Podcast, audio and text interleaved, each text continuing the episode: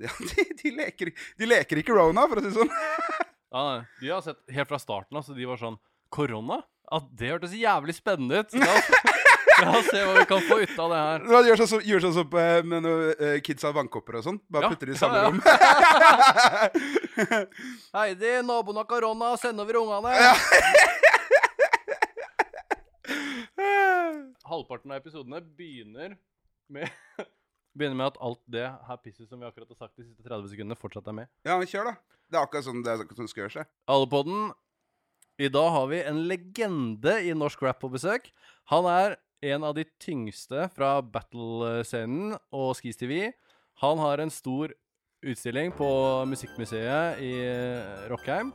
Han er også en av kanskje de morsomste og listigste rapperne som jeg vet om. Velkommen, Big Daddy Karsten.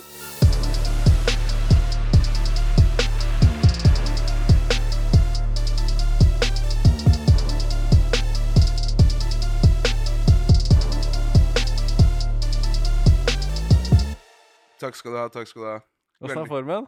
Formen er eh, Akkurat nå så føler jeg meg ganske bra. Hell Eh, har fått prata litt, eh, pratet litt piss med deg. Jeg har ikke sett deg siden lenge siden. Nei, det begynner å bli en stund. Altså. Ja, ja. Fått meg en pils i hånda. Nei, jeg kan ikke klage da. Kjør! Kjør, da. Eh, kan vi begynne med å sna- snakke om eh, eh, Vi snakka akkurat litt om korona. Ja. For det her Det er ikke så mange som jeg vet om som har hatt korona. Nei? Og det her er en sånn ting hvor Jeg husker det var, det, det var et sånn eh, pandemiparadokse, tror jeg de kaller det. Hvor at det er noen land som har vært så flinke til lockdown Mm. at, at de fleste kjenner ingen som har hatt viruset. Ja. Så da blir det sånn øh, Den her tanken med at uh, det er ikke sikkert det eksisterer engang. Kanskje det egentlig ikke fins. Kanskje ikke det er noe problem. ja, det er veldig ekte. Nå ser vi at det her er et kjempeproblem. Ja. Men du fikk, øh, du fikk ronasjuken øh, i sommer. Har du lyst til å snakke om det? altså, vi kan godt gå Altså, jeg har jo Altså Det at man får får det, er jo sy sykt random, jeg har, liksom. Jeg har gitt sykt mange intervjuer på det, så jeg tenker at vi kan, vi kan ta en sånn kjapp gjennomgang på det. Ja, ja. Ja, nei, altså jeg fikk jo eh, Jeg fikk eh, korona i juni. Uh, ble mm, og, altså, Jeg ble, jeg ble sjuk, men det var ikke sånn at jeg døde, liksom. Det var Jeg ble sykt sliten. Eh, Ja. Mista lukt- og smakssans. ja, ja. Eh, hosta nesten ikke i det hele tatt. Ingen av de jeg var rundt, ble smitta. ja, ja. men jeg var, jeg var ute en god stund. Jeg var ute i pff, to og en halv, tre uker. ja. Og jeg bare var, rett og slett bare var grisesliten, liksom. ja, ja, ja. Mm. Og etterpå, har du følt noe på det i ettertid, liksom?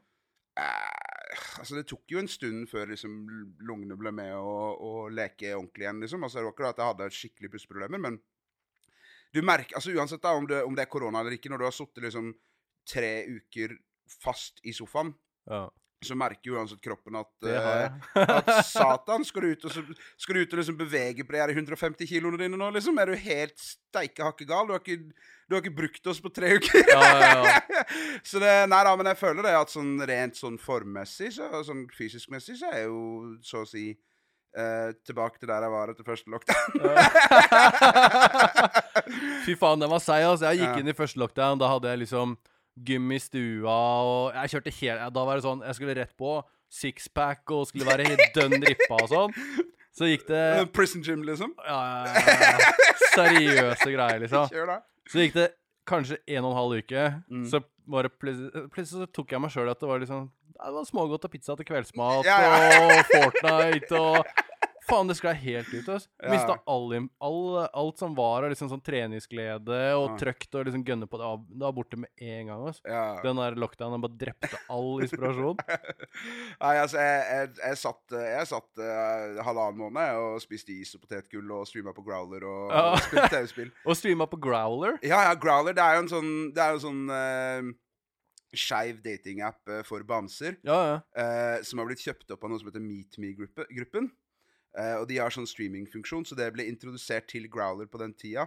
Oh, ja, ja. Eh, så da er det sånn at, at det, er ikke, det, er noe, det er ikke lov med noe seksuelt innhold eller sånn type ting, men det sånn Det har blitt en sånn community, da. Ja, ja, ja. Um, og så tenkte jeg wow, her kan jeg kanskje ta oss og finne noen eh, nye lyttere og følgere i utlandet. ja, ja, ja. Uh, og det har jo funka ganske bra òg. ja. så det, gjør jeg ennå. Hva er det du sånn streamer for noe, liksom? Nei, det sitter bare Det er sånn Takerøv-streams, da. Sitter bare og snakker med Bare folk. preker? Og, ja, preker! Sitter og, sitter og kommuniserer med folk i uh, Brasil og Indonesia og USA og koselig. Faen, jeg vet ingenting om sånn streamgreier. altså. Ikke? Ikke en dritt. Nei, men altså, det er akkurat som- det er. Det er jo akkurat som Insta-live, liksom. Ja, ja. Jeg vet ikke om det gjør det. Du vet ikke hvordan det går live på Instagram? Nei, aner ikke. Nei, ok. Faen, kan- jeg kan vise- 40 år. Jeg kan vise deg på telefonen etterpå hvis du vil. Uff. Det er ikke vanskelig. Nei, det er noen ganger jeg blir, er veldig gammel. Nei. Men eh, en annen ting som jeg hadde lyst til å spørre om, det var det her Rockheim-greiene. så Ja. Vi snakka om det litt tidligere også. Mm. Hvordan skjedde det her? Hvordan er det du For at jeg har sett noen bilder og sånn fra Mm. det, den installasjonen. Mm. Det er faen meg syke Det er ordentlige greier, altså. Det er bøs som faen, men Det det er ikke en liten plack eh, som henger i et hjørne, liksom. Nei, men altså, nå er det så også sånn at den installasjonen du så der, da, det er jo hele greia. Ja, så, Det er, så det er inni den boksen som du kan skru på, Ja. så ligger det en database med 300 artister. Ja, ja, ja. Og det er de artistene som Rockheim mener er de mest innflytelsesrike artistene fra 2000 til 2020. Dæven. Eh, så da kan du scrolle deg fram til meg, da, på den tingen. Jævlig fett. Det er dritkult. Eh, manageren min fikk en eh, e-post i eh, sommer. eh, og når han fortalte meg det her Så jeg har jo vært og spilt på Rockheim før. eh, og veit jo liksom hvor sjukt fett eh, hele greia der. Det Kan du ikke fortelle litt om hva det er for noe? altså, Rockheim er jo det nasjonale museet for populærmusikk. Mm. Eh, og så er det også konsertscene. Eh, så jeg var og spilte der under Trondheim Pride i 2018. Ehm, og da var, foregikk jo alt på Rockheim. Eh, dritfett. Det er sånn Første etasjen så er det konsertscener. Eh, andre etasjen så er det utstillingsrom. Og tredje etasje så har de en sånn restaurantgreie. Dritfett, eh, dritfett, dritfett plass. Er man i Trondheim, så bør man stikke innom der. Ja, ja, ja, ja. Og hvor, du, hadde de noe kontakt med deg før de, eh, før de putta deg på den eh, lista Nei, til installasjonen? Nei, ass, de bare sendte mail til manageren min og sa det at eh, vi er hypp på å ha med Karsten på det her. Uh, det eneste vi trenger at dere gjør, er oss, at dere sender oss for noe, 40 livebilder og fem pressebilder og hold kjeft-videoen. Ja, ja, ja. Og en bio. Jævlig fett. Og så skjedde det nå. Det er dritkult. Jeg ser jo da at andre som er eh, på den greia der, er jo liksom Det er jo, det er jo Bare Legends, liksom. Ja. Det er Jodski, det er Diaz På 300 er ikke så mange, liksom. Nei, altså, det er 15 i året, da. Ja. Fy faen. Det er ganske 15 i. Året, det er, Det er, jo gans, det er ganske sjukt, liksom. Ja, ja, ja. Jeg, jeg syns det er helt sjukt jeg, å få lov å være en del av de greiene der. For jeg veit at det er mange artister som for eksempel streamer jævla mye bedre enn det jeg gjør. Uh, men så skjønner Og jeg, så det er kanskje litt kompleks jeg har, da. At jeg ofte liksom blir sånn herre Ah, de vil kun ha meg fordi jeg er gay, liksom. Uh, men så tenker jeg altså at de hadde jo ikke villet ha meg hvis ikke det var fordi at jeg var flink. Ja. Og tilbrød Altså, hadde det vært en wack skeivrapper, ja, ja. så hadde ikke han fått den spotten. ja, det er mange av de. Ja, det er, nei, det er ikke så mange. det er ikke så mange av de, men du skjønner hva jeg mener, da. Du kan ikke lage søppelmusikk og være en del av en Nei, men, det, men eh, det jeg mener, er at det er mange som har eh, en eller annen sånn form for sære- særegenhet, Mm. uten at det gjør at de får så veldig forsprang. Mm. Man kan jo selvfølgelig appellere innad i et miljø og sånn, men på nasjonale plan så er det ikke alltid det har så mye å si at man har Nei. en uh, særegenhet, da. Men det er sånn når folk spør meg liksom ofte om liksom, hvordan var det Hvordan har vært for deg å komme ut, så er det jo sånn at i, i hiphop-miljøet så er det jo ikke noe fordel i det hele tatt. Nei. Men i forhold til det å skulle få eh, eh, mediedekning da, Mm. eh, i mainstream-media, så er det selvfølgelig en kjempefordel. Mm.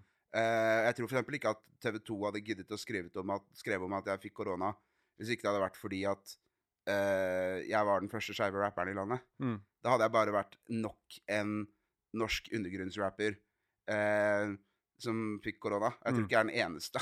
Nei, nei, nei, nei Så det- garantert ikke. Så det er liksom en blessing og en, eh, og en uh, curse, da, på en Ja. og samme tid. Ja, ja. Mm. For du ser litt på det sånn.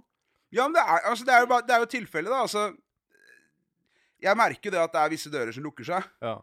Visse folk som var gira på, på samarbeidet tidligere, eh, og sånne type ting, Ja, ja. som ikke jeg hører noe særlig fra nå, Ja, ja. eh, eller ikke har gjort på en stund. Og så kan man også si det at ja, men hadde du bare kjørt en mer low-key profil på det, så hadde kanskje folk sett på det annerledes. Men så tenker jeg det at dette er rap, da. Man skal snakke om det som er ekte for deg. Helt enig. Og jeg kan ikke drive og, og fortsette å rappe om å pushe drugs og gi folk juling når ikke det er en del av livet mitt lenger. Det ville bare blitt kjemperart. Og det er det kjempemange som gjør, som ikke det er en Ja. del av livet til engang. Ja. Så det er bare sånn Dette er det som er ekte for meg nå. eh, og, det, og det er det som, som betyr noe for meg. Ja, ja. Og da er det det jeg må snakke om. Men får du de beskjedene at du, du kan godt være deg, du må bare tone det litt ned? Ja, liksom? ja, ja. Hele tida. Hele tida. Uh, og det og det, dobbeltmoralen er jo bare til å ta og føle på. Ja, Altså, de, de vil gjerne ha deg siden du er deg, Ja, men, men de vil ikke ha 100 De vil ha 75 liksom. Jo, jo. Men også er det også den derre uh, Ja, men tekstene dine er for vulgære. Og så sier de ja, men hør på han rapperen der og han rapperen der og han rapperen der. og hvordan de rapper om fitte, tits, slikking, knulling, hele den greia der. Ja, ja. Men det hører du på! ja. Det er helt cool. Men hvis jeg gjør det Nei, nei. Det kan Nei. Det blir for mye. ja, ja. Men bare sånn Jeg kan jo sette pris på en god, en god bar uh, med heterofilt innhold. ja, ja, ja. Hvorfor kan ikke du da sette pris på en, en, en, en, en god bar med skeivt innhold? Ja, pluss at de fleste som hører på rappmusikk i Norge, eller som hører på amerikansk rappmusikk i Norge, Mm. de, eh, de føler seg jo tiltrukket til en ting som hvor de lever 0% av det som det blir snakka om. ja. Veldig, veldig ofte, i hvert fall. Ja, ja, jeg skal ikke snakke for alle, men de, de fleste kidsa, liksom. Hvordan var det sånn i starten, når du kom ut i, i rappmiljøet og sånn? Så følte du at det blei mottatt OK Ja, egentlig, ass. Men det var et, Det føles hadde ikke egentlig tenkt at det skulle handle om det her, men jeg, jeg, Kan vi ikke ta, så vi kan ta så snippe det opp litt kjapt, da? Hvis ikke det har egentlig var det du var hypp på å prate om. Jeg har jo snakka om det her jævla mye òg. men uh, nei, altså det, det som er greia, er at akkurat der og da. Det er ikke da at ikke jeg har lyst til å snakke om det, men Nei, nei, nei, kanskje at du kanskje har prata ferdig om det. Absolutt. Og, men, og så er det kanskje sånn at du kanskje har noen kulere ting du har lyst til å snakke om som folk ikke har hørt om en million ganger tidligere. uh, men men uh, altså Men det er jo en struggle, da. Altså, det er jo Hiphop-miljøet har jo vært, og jeg har jo vært en del av hiphop-miljøet kjempe, kjempelenge, mm, og det har vært et veldig, veldig spesifikt miljø. mm, Jeg husker sånn når jeg ble Jeg husker jeg ble en del av et ganske sånn lukka hiphop-miljø, mm. og da var det sånn Faen, på, på fester så hadde folk en sånn audition, og de var sånn Ja, hvor lenge har du hørt på rap? Hva er det du hører på? Det var helt, det var helt der, ikke sant? Uff Det var, su var. Er sjukt, altså. Men det også endte jo opp med at eh, jeg var jo i et miljø hvor at eh, jeg hadde en veldig veldig god kompis som også var homo, og som også var rapper. mm. Og jeg visste ikke Tommy? om det. Tommy Orion. Jeg Mm. vet ikke om eh, Jeg skal dobbeltsjekke Han, han vet om det. Han har, han, dagen etter jeg kom ut, Ja, så gjorde han en public statement på det. ja, og det var den dagen jeg fikk vite at Tommy var homo. What?! Og jeg har kjent Tommy Det er fordi jeg har ikke hatt noe kontakt med han de siste årene etter at jeg flytta tilbake til Larvik. Nei. Så eh, det sier jo litt om liksom hvor liksom streng den kodeksen var, da. Ja. Hvor liksom Han var en ganske god venn av meg. Mm. Ante ikke. Nei. Hadde ingen anelse. Nei. Ikke det at det hadde så mye å si, men, men eh, det er liksom sånn Det var en del av livet hans som han ikke kunne dele med liksom vennene sine engang. Mm. Så hvordan var det for deg? For du tok jo den støyten. Istedenfor å trekke deg ut av hiphop-miljøet, så var du bare sånn OK, det her, er, det her er sånn jeg vil være, da. Men greia var at jeg hadde, jeg hadde vært så jævla reckless, som man kan kalle det i, i utgangspunktet. da, For at når jeg, fra- når jeg flytta til Oslo Jeg hadde jo ikke tatt en kuk jeg før jeg flytta til Oslo. Ja, ja. Uh, og når jeg først alt dette her jeg først gjorde det, og bare sånn Wow! Ja, du er kanskje ikke så bifil som det du trodde du var. uh, og plutselig sitter jeg på, på krøsset under release parties og kliner med gubber foran liksom halve Oslo hiphopsmiljøet, liksom. ja, ja, ja. og bare sånn Da bare sånn slo meg bare sånn Oh, fuck, jeg må kanskje ta kontroll på det her. For at det blir noe helt annet om jeg gjør en statement på det, ja, enn om noen andre begynner å snakke om det. ja. Eh, så det var egentlig sånn det, det, det ble. Men det er sånn derre så, det- så det var 100 en avgjørelse for meg sjøl. Og så har jeg også alltid vært sånn at jeg hvis, hvis folk ikke liker meg, så får de la være, da. Mm. Jeg er en, jeg er en del av det her. Jeg er sementert i denne historien. Jeg, jeg er en du kan, ikke, du, kan ikke, du kan ikke ta fra meg de tinga jeg har gjort, da. Det går ikke. Og hvis du har lyst til å fucke med meg, så får du fucke med meg. Hvis ikke du gjør det, så la være. ja, ja, ja. Mm. Men samtidig så er det jo et miljø hvor at det her eh, Det, det får, får fort litt sånn, sånn kjipe konsekvenser, da. Eller det, det er eh, Uten at jeg vet, eh, vet sikkert, så vil jeg jo se for meg at det kan være mange som snur ryggen til uh, Ikke til trynet ditt. sånn. Ikke til trynet ditt. Nei, nei, nei. Ikke til trynet ditt. nei. Alle skal gi deg high fives. Alle skal si 'Å, shit, du er så modig'. Ja, ja. 'Å, shit, og det her er så kult'. ja. Og så, og så sender Og så snakker du, og jeg sier 'Ja, 'OK, kult, ja, men jeg liker jo deg som rapper også'. Kan ikke jeg ta og så sende deg noen kysser, da? Og så kan du, hvis, hvis du er gira, så hiver du deg på en track. ja, ja. Og så bare plutselig hører du ikke noe. ja. Um, og de samme folka som gir deg high fives, har homophobic ass lines i neste låta si. ja. Og så tenker du sånn OK, men har du ikke lært noen ting av det her, liksom? ja. Og da er det sånn I begynnelsen så var det sånn at det satt, liksom. Det, de gjorde litt vondt. Uh, I etterkant så er det mer sånn at Ja vel, eh, hvis, jeg kan, hvis jeg kan endre synspunktet til noen så er det kjempebra. Eh, jeg kan ikke Jeg kan kanskje ikke Det blir så teit å si, men redde alle da, fra liksom de her eh, idiotiske normene som ligger innprinta i de. Eh, men så lenge jeg kan være med å forandre noens, noens synspunkt, da, så kan det være positivt uansett. Eh, og vil antageligvis, forhåpentligvis, gjøre det bedre for neste person som tør å komme ut. Mm. Og tro meg, det er flere skeive norske rappere der ute Mm. som jeg kjenner til, som ikke har kommet ut. Eh, For de sitter på den growler-kontoen din. Nei, det tror jeg ikke de gjør. Men, uh, men folk som har kontakta meg, da. Ja. Eh, Jeg hadde jo også en encounter i sommer på Grinder, hvor det var en, eh, en meget profilert norsk rapper som uh, hoppa inn i DM-sa mine på Grinder. Uh, Ehm, først så ville han ikke sende meg et eh, ansiktsbilde. Jeg er sånn, jeg treffer ikke folk som ikke sender meg ansiktsbilde. Det skjer ikke. ja, ja, ja. Og med en gang han sendte meg ansiktsbilde, jeg tror kanskje han tenkte at åh, kanskje han ikke kjenner meg igjen. Kanskje det er greit, liksom. Oh, ja, ja. Og så bare «Eh, Men ei, det her er jo du! ja. Og da bare forsvant han. Nei, serr? Ja. Ja. Så det er sånn Jeg bare syns det er så kjipt da at folk ikke skal kunne bare tørre å være seg sjøl. Mm. det får dere så jævla mye igjen for. Og ikke bare det, ikke at dere skal gjøre det for å gjøre det lettere for meg, men det her begynner å, det her begynner å bli en ting jeg har båret aleine ganske Det er lenge ensomt på toppen. Jeg har, bært, altså jeg har vært den eneste nå siden 2016. ja, altså. Det har gått fire år. ja. Um, og det er så Altså, det er mange ting jeg aldri hadde fått hvis ikke det hadde vært for at jeg kom ut. Uh, og det er noen ting jeg aldri kommer til å få fordi jeg kom ut også. ja. Uh, men jeg ville ikke ha hatt det på noen annen måte. For det å gå rundt og leve på bekostning av seg sjøl hele tida er så tungt, og det er så slitsomt. Uh, og det er ikke verdt det. Hvordan tror du det er for den neste generasjonen med kids, som da ved et eller annet tidspunkt så er det noen som bestemmer seg for å komme ut? Tror du det vil være mye enklere neste gang? Jeg veit ikke. Jeg håper det. Jeg kan Jeg håper det. meg hvis det er Hvis det er liksom 22-23 år gamle kids, liksom, Mm. Så slipper en rappsang, og så er det kanskje ikke egentlig noe tema engang, og så kommer det, kommer det ut ah, og forresten, han, han kameraten er homo. Så det er, det er ikke sikkert at det er de bølgene kommer engang. Nei, og det, det er sånn at jeg var jo For du er jo en annen generasjon, på en ja, måte. Jeg er det. Jeg er definitivt en annen generasjon.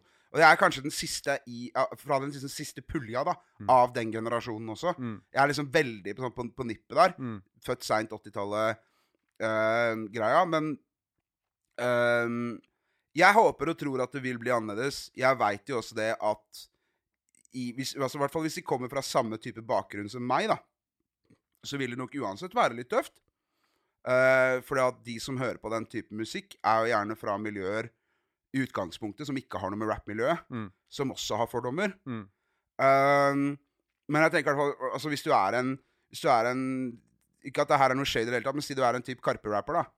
Som, som ikke har noe med noe eh, eh, kriminelt å gjøre i det hele tatt i, i, i det de gjør, eller snakker om, eh, så tror jeg ikke de vil ha noe problem i det hele tatt. Mm. Eh, når det kommer til folk som kommer fra en type lignende bakgrunn som meg, så tror jeg fortsatt det vil være utfordringer. Men jeg tror også det at for hver person som kommer fra den type bakgrunn, da, som faktisk kommer ut, så vil det bli enklere for nestemann og nestemann og nestemann og nestemann. og nestemann. Mm. Um, og det er også, det er også en, liten, en liten sånn del av meg som, for at Da jeg først kom ut, så sa jeg også det veldig tydelig i intervjuer. Jeg skal ikke være homorapperen, jeg skal være rapperen som er homo. Mm. Og så blei det jo at jeg, til at jeg blei homorapperen. Mm. Det er et stempel jeg ikke kommer meg ut, ut, utenom, liksom. Men det er også en greie som har liksom blitt mer og mer Som jeg har lagt mer og mer stolthet i da, jo lenger det har gått. For det er sånn at dette, dette trengs. Dette, dette er det behov for. Mm. Uh, og jeg ville ikke være plogen, nå er jeg blitt plogen. uh, For det husker jeg, for jeg husker helt i starten når du kom ut, så, så var jeg litt på ballen. mm, For det, jeg syns det var jævlig, jævlig spennende. mm, Og så husker jeg sånn Det første intervjuet jeg hørte med deg, husker Jeg jeg lurer på kanskje det var med Marius, YLTV Marius. Det kan godt være. kan godt være. Så husker jeg du sa sånn Jeg har ikke lyst til å være noe forbilde. Mm. Jeg har ikke lyst til å liksom gå foran. Jeg har ikke lyst til å liksom bære det her stempelet Ah. og liksom måtte bane noe vei for noen. Jeg har bare lyst til at jeg, jeg er bare meg og bla, bla, bla. Mm. Men det var ikke sånn det blei. Det blei jo helt motsatt. Nei, men altså på den tida der også, da, så, så, så hadde jeg liksom fortsatt at jeg hang liksom litt igjen, da. I liksom de gamle waysa mine. Eh, på, den, på den tida der når jeg kom ut, så var jeg fortsatt jeg, Etter jeg flyttet til Oslo, så var det jo rett et kjør. Jeg, var jo Jeg snorta jo cola og var på fylla hver dag nesten hele uka. Eh, fra jeg flytta til Oslo fram til nyttårsaften 2016-2017. eh, hvor jeg bare tok et oppgjør med meg sjøl og bare Nei, nå er det, nå, nå er det nok. Mm. Og på den tida der så var det sånn Jeg ville ikke Jeg liksom holdt litt igjen, da, på å skulle ha den derre tøffe maskuline approachen, som jeg fortsatt har, men ikke Jeg er ikke, jeg, jeg, jeg er ikke så uh, dependent on it lenger, da. Føler du at du kan være mindre liksom maskulin og aggressiv uh, nå som du er åpen om det, liksom? Jeg føler Ja, men altså, altså den, ma- den, maskuline, den, den, mas ja, den maskuline og aggressive greia meg er, er jo en del av meg uansett. ja, ja. Men så må man jo også stikke fingeren i jorda og innse at OK, jeg har kanskje latt den overkjøre mine mykere sider også. Og nå er jeg liksom at nå driter jeg litt i om folk ser på meg som en pansy, eller om de ser på meg som en G. Jeg gir faen. Mm. Jeg er meg. Uh, og på den tida der så var det ganske viktig for meg at jeg liksom ikke skulle miste ansikt, da. På grunn av at jeg var skeiv. Um, og samtidig som jeg kom ut og skjønte hvor big deal det her faktisk var at jeg gjorde det, så skjønte jeg altså det at den posisjonen jeg kom til å få, kunne være utrolig viktig. Mm. Uh, og det å uh, da faktisk ta på seg den rolla med å være plogen, uh, betydde kanskje mer enn hvor mange fans og lyttere jeg hadde akkurat da. Så, så derfor ble det veldig naturlig for meg. Så, så skjønner man liksom Man ser mer, da. Når man sitter inne i skapet, og ehm, Så observerer man ikke eh, all, hvor viktig mye av den homokampen er, da. Før man faktisk kommer ut og får drapstruslene og får pisset, får hetsen, og virkelig skjønner hva det går ut på, da. Og da blir det viktigere. Mm. Jeg har aldri backa ned fra en kamp. Aldri. Og da var det sånn, vet du hva? Greit, da tar jeg den her òg. Og det skal jeg gjøre. Jeg skal stå foran, og jeg skal ta den. Jeg får litt sånn goosebumps av deg, Karsten. Det, du må, det- som jeg tenker umiddelbart, er jo hvor mange som er i, i et sånt hiphop-miljø, og i et sånt musikkmiljø, som aldri har måttet ta noe kamp, eller har måttet gjøre noen ting Mm. for å kunne ha den greia si i fred, da. Mm. Fordi at man tar det for gitt at det bare Det her er sånn man er, og det her er det man gjør, og det er ingen som setter noe spørsmålstegn med det. Mm. Og hvor urettferdig det må være at man må liksom ta en fight for å kunne få lov til å gjøre det som man har lyst til å gjøre, da, eller Mm. være den som man er. Mm. Men det er for at som, som hvit heterofil cis-person, så vil man aldri forstå privilegiene sine. Nei, det er helt Fordi at, enig. fordi at man har ikke Man, man veit ikke hva det går ut på. Mm. Jeg kan aldri sette meg inn i strugglene til en svart person. Mm. En svart streit person kan aldri sette seg inn i strugglene av det å være skeiv Mm. eller å være trans. Mm. Men minoritetsgrupper har en, en større forståelse for hva det vil si å være undertrykt. Og, og, og jeg tror det er også derfor at I hvert fall veldig ofte føler jeg sjøl at i, i skeive at det er mer inklusivt overfor andre minoritetsgrupper. Eh, ikke bare ikke at, Nå sammenligner jeg en gruppe med noen, men, men eksempel som i forhold til funksjonshemma også, liksom. Det er også mennesker. Det er også en undertrykt greie. Mm. Det er, de blir brukt som, som skjellsord. Mm. Det, er- det, er en, det er en samme greia. og derfor synes jeg, det, er som, det som jeg har sagt hele tida, det er ingenting jeg syns er teitere enn øh, rasistiske øh, skeive og, og folk med, eh, med utenlandsk opprinnelse som er homofobe. Mm. For at det er, til syvende og sist er det samme fucking strugglen. Altså. Det er, det er oppression. Som alle andre ting. Altså, skeive har blitt du vet, du vet, vet hvor uttrykket fag kommer fra? Nei. Vet du ikke det? Fags er jo de, var jo liksom eh, de pinnene på bålet, nederst på bålet, når de brant hekser. Oh, ja. Og homser ble kasta, nederst på bålet. Ja. Så det er sånn, dette, Oppression har vært hele veien. da. Det er, det er derfor jeg altså, Siste freestylen jeg slapp nå, så du den? Mm, jeg så den Ja. Det sier at um, uh, How did a culture built for minorities become a culture built on hate for minorities? Ja. Vi må stå sammen. Ja, ja, ja. Det er ikke noe annet, altså, det er ikke noe annet som gir mening. På om jeg skal begynne på spørsmålene mine. Karsten. Ja, gjør det! gjør det, gjør det, gjør det. Kjør. Jeg får så mye å tenke på. Kan jeg spørre hvorfor uh, du sier at uh, ved et tidspunkt mellom Nå har jeg ikke begynt på spørsmålet likevel. Kjør, da. Det her er uh, psykologtime. Jeg bare merker den der aggresjonen din, den energien din rundt når du snakker om de her tingene. Jeg syns det er jævla spennende. Mm. Men uh, du snakker om at uh, ved et tidspunkt mellom liksom uh, 2016-2017 så så bestemte du deg for å slutte å ruse deg Mm. og slutte å drikke. Mm. Var det noen grunn til det? Ja. Eh, rett etter jeg, eh, jeg kom ut, så hadde jeg jo også et eh, mitt første ordentlige, ordentlige, ordentlige, ordentlige angstanfall. Ja, det kjør. Ja, trodde jeg hadde hjerteinfarkt, ring, ringte ambulansen, kjørte pizzabil, eh, hele greia. Lå med EKG hele natta. Ja, ja, ja, hele, hele den pisset der, liksom. ja, ja, ja. Og de fant ut at det var jo ikke noe gærent med meg. Eh, så da konkluderte de med at det var et angstanfall. Men de så jo også på leverprøvene mine at det var mye alkohol eh, inne i bildet. Og da hadde jo ikke jeg engang fortalt dem om at jeg snorta cola seks av sju dager i uka, liksom. Mm. Um, og da tenkte jeg først at OK, hvis jeg bare nå slutter å, eh, å, å bruke drugs, da, så kommer det sikkert til å bli lettere. Så eh, nyttårsaften 2016 til 2017 var siste gangen, er siste gangen per, per dags dato at jeg har brukt noen harddrugs. Da kjørte jeg en MA. Uh, og så gikk det et par måneder, og jeg følte liksom ikke det at uh, Altså, jeg er jo alltid Jeg gikk jo rundt litt sånn litt småsvimmel hele tida. Um, og hadde liksom litt brystsmerter litt sånn hele tida. Sånn typiske angstting. Så følte jeg ikke det ble noe bedre. Så var det bare sånn OK, men kanskje, kanskje jeg er nødt til å slutte å drikke òg, da. Um, og så gjorde jeg det. Og jeg gikk jo fra da februar 2017 til desember 2018 uten å drikke eller noen ting. Eh, og på mange måter så hjalp det jo litt. Ehm, så det var nok Men det var nok ikke det, det var nok ikke det som var løsninga. Og jeg er jo fortsatt ikke kommet til løsninga. Det her er jo fortsatt en ting jeg jobber med. Går til psykolog hver uke. eh, nettopp vært gjennom ADHD-utredning.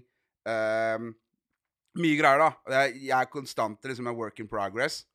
Men at, eh, at det var sunt for meg å ha en type nesten to år eh, avbrekk fra å ruse meg. Definitivt. Jeg tror det er sunt for de fleste. Ja, ja. Altså, jeg, jeg hadde jo ikke hatt noe break siden jeg var, siden jeg var 18, da. Mm. Jeg hadde, jo, unnskyld, jeg hadde én break på tre måneder en gang. Men bortsett fra det, så har jeg ikke hatt noen breaks. Det har ikke vært sånn at det, alltid, at det har vært sånn colakjør hele veien. Det har det ikke. Men det har alltid vært noen form for rus, liksom. Um, uh, konstant smoka. Uh, piller. lengre perioder med, med pepper, lengre perioder med cola. Men den hardeste, hardeste, hardeste runda med, med coken var jo etter jeg flytta til Oslo. Og da hadde jeg liksom arvepengene til mutter'n og ikke noe jobb. Mm. Og ville egentlig bare eh, ha det jeg, det jeg tenkte var en smart ferie. Men det er jo ikke noe som er smart med det jeg gjorde. Det smarteste jeg kunne gjort når jeg flytta til Oslo, var bare å betalt gjelda mi, satt av, penger, satt av penger til huskjøp og fått meg en jobb og fått meg rutine. Men det skjønner man kanskje ikke når man er 27. Ja, man skjønner det etterpå. F ja. ehm, jeg, har, jeg har blåst arv før, så, det, så jeg burde kanskje lært Og du kommer gang. sikkert til å blåse arv igjen. Nei, da, da, er- da er det ikke så mye mer å arve. Da er det ikke så mye mer å arve, så da er det ikke Men nei, altså, herregud. Jeg har alltid hatt et helt sånn dust Dust uh, forhold til cash. Ja. Uh, så det er sånn øh. Dårlig impulskontroll. Eh, Å! Føler du at uh, eh, ADHD-utredning har det gitt deg noen svar? eh? Eller hvordan har den prosessen vært? Har det vært greit? Den har vært helt fucka, for å Ja. være helt ærlig. Uh, DPS uh, på Tøyen er eh, no joke. Eh, aldri vært borti et mer rotete system noen gang i hele mitt liv. Mm. Møter opp, timen er avlyst. Eh, får avlyst time eh, kvelden før. Eh, for, uh, og jeg, jeg trodde jo det at vi hadde konkludert uh, i slutten av mars. Så uh, sier hun Hun behandleren til meg at vi kan konkludere her og nå. Eller så kan vi gjøre det eneste riktige, eller ikke det eneste riktige, men det, det som er liksom helt etter boka, sender deg til nevropsykolog og få en, liksom en, en avklaring der også. Og så sa jeg ja, men hva vil du helst vi skal gjøre da? Nei, hun ville helst sende meg til nevropsykolog, bare for å være på en helt på den riktige sida. Eh, og så sa jeg hvor lang tid kommer det til å ta? Nei, det kommer til å ta et par-tre måneder. Så kommer du inn der, og så, så er, det, er vi ferdige, liksom. Så sa jeg OK, men gjør det, da. Um, og så gikk det tre-fire måneder, og så hørte jeg ikke noe. Så ringte jeg opp der og så sa jeg, hei, du, nå har jeg fortsatt ikke fått noen innkalling til nevropsykolog. Uh, det her begynner å bli tullete. Hva er en nevropsykolog? Nevropsykolog er egentlig sånn som sjekker hjernefunksjon i forhold til gjerne i forhold til sånn hjerneskader og sånne type ting. Så det er liksom elektriske synapser og sånn? Så Nei, nei, det er tester. hjernen, Det er liksom? tester. Oh, ja. Det er tester, for eksempel eh, eh, gjenta tallkombinasjoner. eh, eh, Sett sammen eh, eh, Nei, husk ord. Jeg hadde sånn, sånn test som bare fikk meg til å klikke helt. Hvor han satte meg foran en Nå PC. begynner jeg å. Ja, ja men, det, men vet du hva, det, var, det føltes helt jævlig. Han satte meg foran en PC, eh, og så kommer blinkende bokstaver opp i skjermen. Og så skal jeg trykke på space-knappen for alle bokstaver unntatt X. Og jeg trykka jo nesten kun på X-ene. Eh, og jeg følte meg jo som en idiot etterpå. Og der satt jeg i ti minutter. Ti minutter var det teksten. Ja. Og det bare Og og bokstavene kommer dung, dung, dung, dung. Og så kommer de dung, dung, dung, dung, dung, dung. Og jeg bare Jeg følte meg jo som en idiot etterpå, liksom. Men- Så da var den sikkert veldig, veldig bra designa, den testen. da Ja, ikke sant? Helt... Hvis du følte deg helt dust etterpå. ja. Så, så har den, så har den gjort, uh, gjort jobben sin. Ja, ja, ja. Ja, men greia er at Det som var sjukt, da, var at uh, jeg ringte jo da inn, og så, så fikk jeg snakke med henne. Og så sa jeg at det her tar for lang tid. Du sa vi kunne konkludere. Kan vi bare konkludere? Ja, det kan vi, sier hun. Og da bare sånn der, OK, da har vi fått en avklaring på det. Digg. Da veit jeg hva som skjer, i hvert fall.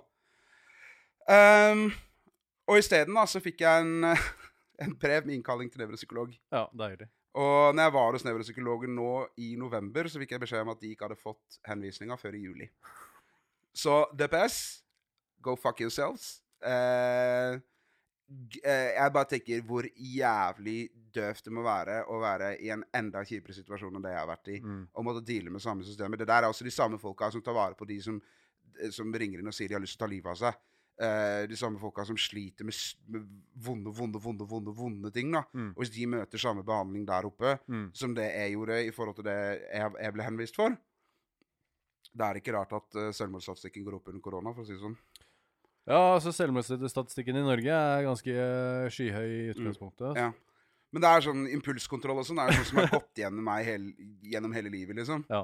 Jeg var eh, Jeg husker eh, sånn, får sånn flashbacks-episode til og med helt ned i første klasse, hvor jeg smalt til en medelev i magen. Jeg hadde ikke gjort meg noen ting som helst. Det bare skjedde. Ja. Eh, og så bare sånn, sånn type eh, voldsting, da. Som bare liksom går gjennom hele livet mitt, nesten. Tror du at det, at det har vært liksom bidragende faktor til at du havna inn i et litt sånn eh, kriminelt rusmiljø fra relativt ung alder? Jeg tror at det handler At det er én av faktorene.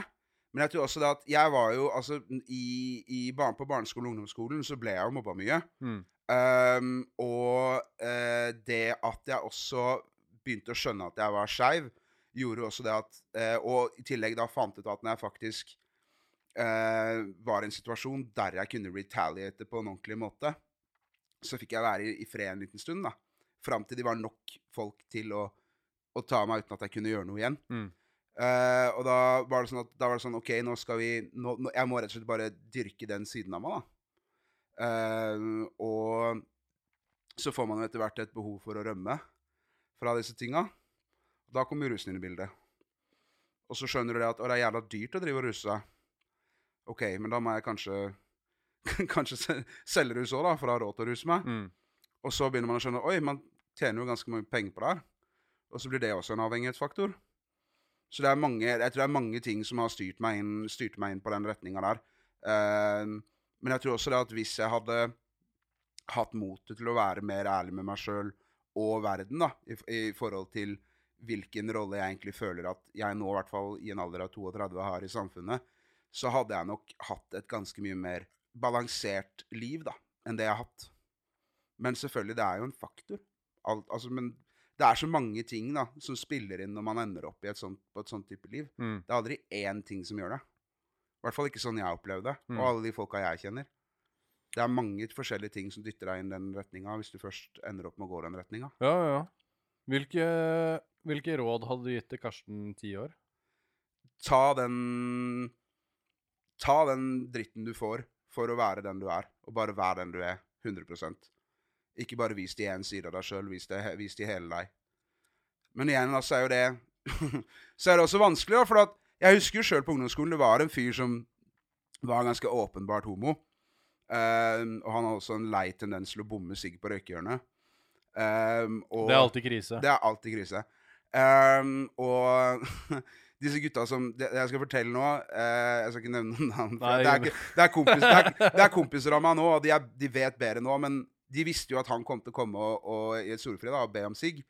Så da hadde de laga ferdig en, eh, en rullings som var liksom litt tobakk på toppen, litt tobakk i bunnen og svartkrutt i midten.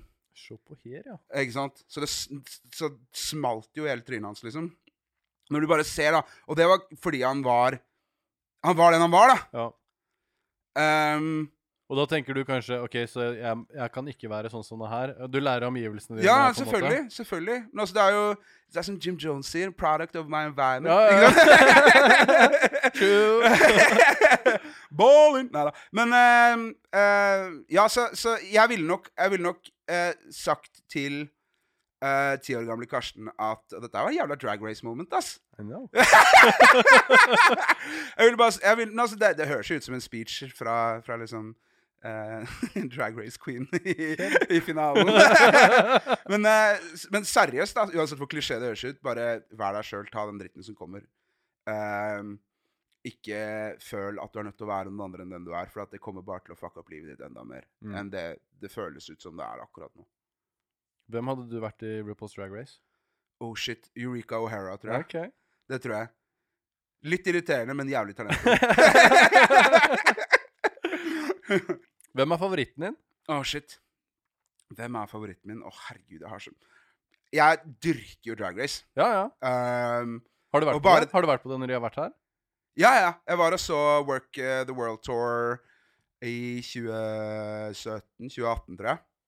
Ja. Da var jeg på Sentrum Scene sammen med min gode venn Isak, og så, og så de. Det var, bare- da var Thorgy Thor der, og så var Bob the Drag Queen der. Ja, ja, ja. Um, flere av de også. Så det var, det var dritkult. Jeg var der, jeg òg. Var du det? Ja, jeg har vært på det flere ganger. Ja, fett, da. Jeg hadde med sønnen min uh, siste gang, faktisk. Ja, kødder du? Det er dope. Uh, ja, også Manila Luzan var der. Ja, ja, ja. Shit, ass, Manila er rå, ass. ja, ja, ja. jeg elsker det. Jeg elsker Drag Race. Eh, jeg kommer nok aldri til å gjøre drag sjøl, men jeg har allerede plukka ut et navn hvis jeg skulle gjort det. Få høre. Britney Bears. Kjør. oh, det er egentlig for bra for å ikke gjøre noe ut av det, du vet det? Nei, hysj nå. Men, men, men, jeg syns- men det jeg syns er veldig gøy, er å få lov å jobbe med drag queens som har vært med i RuPaul's Drag Race. Ja, ja, ja. Jeg skrev jo nettopp uh, bars for Brita Filter, Ja. som var med i sesong 12. Siste sesongen som var nå. Uh, og det var jævlig fett. ja. Faen, så fint menneske. Eh, jævlig engasjert, jævlig flink. Han var ikke så heldig på selve sesongen, men Nei, nei, men sånn er det. Men det er gøy, da. Det er bare gøy å liksom kunne tappe inn i den, i den verdenen, da. Uten å nødvendigvis eh, jeg, jeg kommer nok aldri til å gjøre drag sjøl, men det altså en av liksom virkelig, virkelig, virkelig milestones jeg har lyst til å oppleve, oppnå, er jo å kunne være gjestedommer på RuPaul's Drag Ja, det er rolig. Å, fy faen, så fett det hadde vært. Ja, det har vært sykt. Helvete. Nei, altså, man, man, skal, ikke, man skal ikke si at, uh, at, alt er, at, noe, at noe er umulig, egentlig. Man må bare jobbe på og så håpe at, uh, at ting trekker i den retninga. Ja, ja. Uh, og jeg har jo kontakt med folk som har gjort det. Daniel Francesi er jo en fyr jeg snakker med fra tid til annen. Daniel Francesi? Ja, det er han. Har du sett Mean Girls? Nei. Ikke? Nei. OK. Men han har i hvert fall vært han Du er, skal jobbe litt for å finne en sånn TV-serie som jeg har sett. Da. OK, ok. Men i hvert fall han har, han har spilt i, i, i Mean Girls, han spilte i uh, Looking, som gikk på HBO. Uh, grunnen til at jeg connecta med han, er jo da gjennom Growl Alive, for han har Ja, streama der. Um, og, så han er hypp på Han er hypp på å prøve å rappe og gjøre en track, liksom. Så det er liksom sånn Man treffer folk uh, på plasser man, som kanskje ikke er så rart at man treffer dem på, men du kanskje ikke hadde forventa det heller. Ja, ja. Eller kanskje ikke forventa at de skulle gidde å gi deg tida deres, da. På en måte. Ja, men det- det er jo kanskje også fordi du tenker deg selv litt ned. Og det er jo et, det er jo en, en, et kjempeproblem jeg egentlig har. Ja, for, for de så er, er det jo dritspennende, liksom. Ja, ja. Og han syntes det var dritkult når jeg sa det at uh, ja, jeg er den eneste åpne skeive rapperen i Norge. Uh, turnert landet her. Uh, gjør sånn og sånn og sånn og sånn. Ja, yeah. uh, han bare Oh, I, I'm planning to go to Norway, and I know an actor from Norway. We work together in LA. Og, ja, ja, ja. og henne plutselig så er samtalen i gang, liksom. ja, ikke sant? Mm. Så det er um, det er Jeg var, på, jeg var på Orwell Peck. Har du hørt om Orwell Peck? Nei. Ah, det er han cowboyen eh, som har masse maske og sånn. Mhm. Nei, Du kommer til å finne ut av det etter hvert. Når han blir li- bitte litt større. OK. Uh, Jeg var og så han i Berlin for et par år siden. Mm. Og da satt vi og snakka litt eh, backstage og sånn. Og han var sånn ah, Norway, oh, I love uh, Henrik Ibsen, and I love Han var sånn Og han elska Norge. Ja. For det, Norge har veldig mange sånn særegne ting, liksom. Mm. Så det er veldig mye kunst og kultur og Eller de fleste land har det, da, men, Mm. men Norge har en sånn derre Amerikanerne liker liksom Norge litt. Vi har peng. Det hjelper. Vi har pang òg. Det hjelper. Jeg merker det. Det var en, en veldig sånn lang periode, for jeg uh, er ganske mye i, uh, i California, ganske mye i Los Angeles og jobber. Mm. Og da var det en sånn lang periode hvor jeg hadde så jævlig sånn brei California-dialekt og liksom gjorde det Dro på skikkelig, liksom. Men sk jeg ville ikke at folk, folk skulle høre den der Norwenglish-greia. for det, det er så flaut. Men det var også det som hindra meg å rappe på engelsk fram til i år. da Ja, ja. Jeg var liksom bare redd for å høres liksom norsk ut. Ja, ja. Men- Men, folk digger jo. det er det som er. Ja, ja. Eller når, i, i rappmusikk, eller musikk er jo en annen ting, men når du snakker med folk på ekte i California, Det- det- de hører aksenten, så er det sånn Ei, hvor er det du er fra? Altså, Norway. Og da er det med en gang bare Ah, Norway og Polar Bears og det Ja, det er jo en av de, det er jo en av de største misconceptionsa, at amerikanere tror at polar bears roaming, roaming the streets of Oslo. Det er noen uh, av de som tror det. Det var ei uh, som spurte meg Norway, is that a long drive? If you can drive on water! Uh, men du, du sier du er mye i Los Angeles. Ja. Har du vært på Mickey's West Hollywood, eller? Nei, Har du ikke? hva er det for noe? Det er jo the drag bar of all drag bars. Det er jo ja. der de fleste Altså de queensa Uh, som gjerne Som har fått en liten boost fra Drag Race, men Ja, kanskje ja, ja. ikke kommet seg så mye videre. Ja. De jobber typ fast der. Oh, ja. Pluss at de har liksom uh, faste uh, Støtt og stadig har liksom store, store, store dragstjerner da Ja. innom der. Så neste gang du er i LA, Ja, ja. så bør du stikke innom Mickey's Ja, West det skal jeg Hollywood. Det er Men ja, nei, jeg har vært på noen drag bars. Jeg var på en drag bar i Amsterdam i fjor. funny. På en tida her i fjor. Funny. Det var superfett. Vi skulle på en eh, sånn eh, musikkfestivalgreie. Mm. Det her var sånn Det her var en av de helgene hvor du eh, står opp om morgenen og booker en flight til Amsterdam. Mm, deilig. Eh, og dro på noen eh, sånn musikkfestival. Eh, litt sånn techno-ish Det eh, var ikke sånn Sensation White eller noe sånt? var det det? Det var ikke det, men det var Nei. noe Det var ikke langt greier. unna!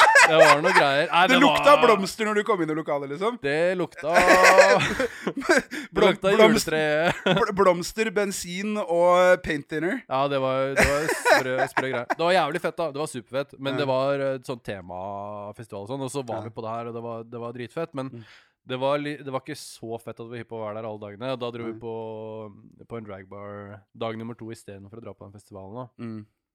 Og det er noe annet når du kommer til litt større forhold enn Oslo, Mm. eller liksom de små forholdene som er her, Ja, da. ja, Hvor det er bare Når det er super, super pro, liksom. ja. Det er sykt fett, selv om det er kult når Work the World og sånn er på, på verdensturné, så er det jo Showet er imponerende, liksom. Definitivt. Det er litt uh, varierende hvor mye uh, spen de har putta i kulissene og sånn, da, men eh, det er alltid en fet greie, liksom. Det er et kult opplegg. Det er Alltid. fett å dra på det, liksom. Jeg har hørt, jeg har hørt, fikk høre om en, en performance som ikke jeg fikk med meg sjøl.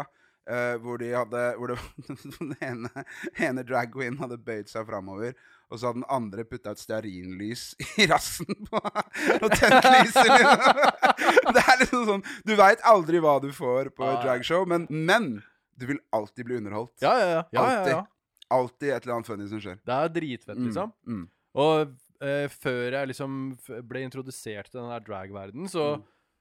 så visste jeg liksom veldig lite om det. Jeg hadde bare sett det noen ganger. Jeg hadde vært på litt sånn i, i- For i tattoverden i Oslo, i det miljøet, tattomiljøet som jeg er i, har hatt en litt sånn crossover-greie til eh, hele det elsker-miljøet og sånn. Mm. Eh, ettersom at Hilde, når hun levde, så var jo hun i det Lucky Seven og Mm. tatto-miljøet der. Så det var ofte Altså, jeg har vært på tattojulebord på Elsker og sånn. Det, Det det har vært, vært en sånn uh, greie, da. Det har liksom alltid smitta litt over. Men jeg føler dere er flinkere i tattomiljøet òg, da. Det er flere, i hvert fall sånn som jeg oppfatter det, så er det flere skeive, blant annet, Ja, ja. i, der enn det er andre plasser. Har vært, eh, det har vært Min mange situasjoner når jeg har vært på jobb hvor jeg har vært den eneste streite i lokalet. ja, ja. Hvor det er liksom tre, tre andre skeive tatovører som har liksom to skeive kunder, og det er bare jeg som er hetero, liksom. Min favoritt-tatovør nå er jo skeiv. Det er jo Kim. Ja, ja, ja. ja. Kim er fin, altså. jeg liker så Kim. jævlig flink. Ja, ja. Jævlig flink! Spesielt med farger. ja Sjukt, han,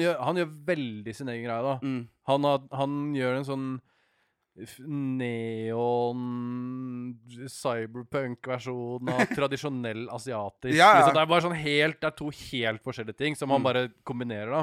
Og han er jævla kul kis òg. Han har jobba hos meg flere ganger. Han er Han Ja, i ja, ja. Larvik? ja, i Larvik. Ja, fett. Og, og bodd hos meg begge gangene og sånn. Han Mm. er super, super, superflink. Mm. Nå holder, nå holder han til på I Moss. I Moss, ja. Han flytta til Moss nå. Uh, for evig og alltid heter studio i Moss. For evig og alltid heter det, Mm. ja.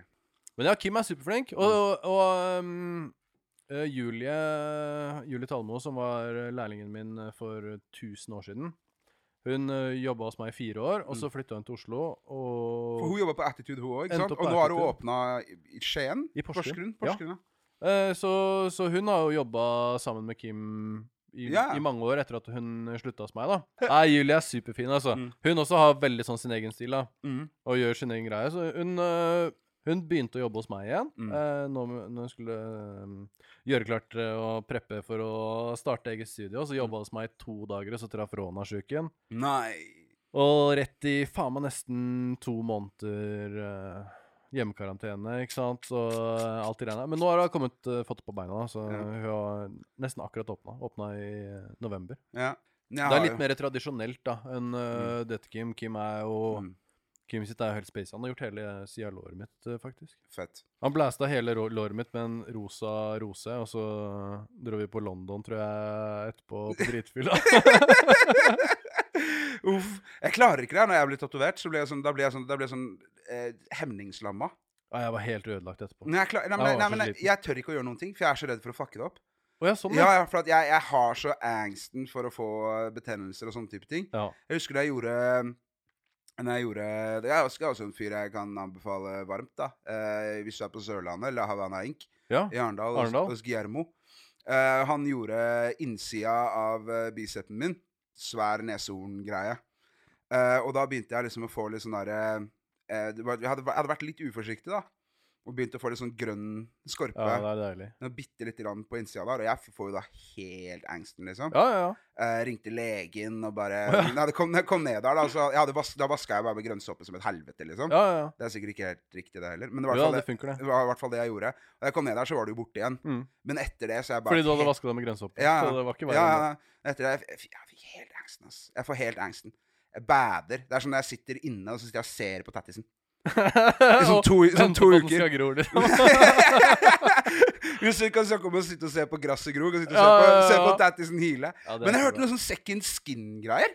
Ja. Det ble jeg jævla stalka på. Er det noe man får tak i i Norge? ja da, jeg har det. Du har det, du, ja? Ja.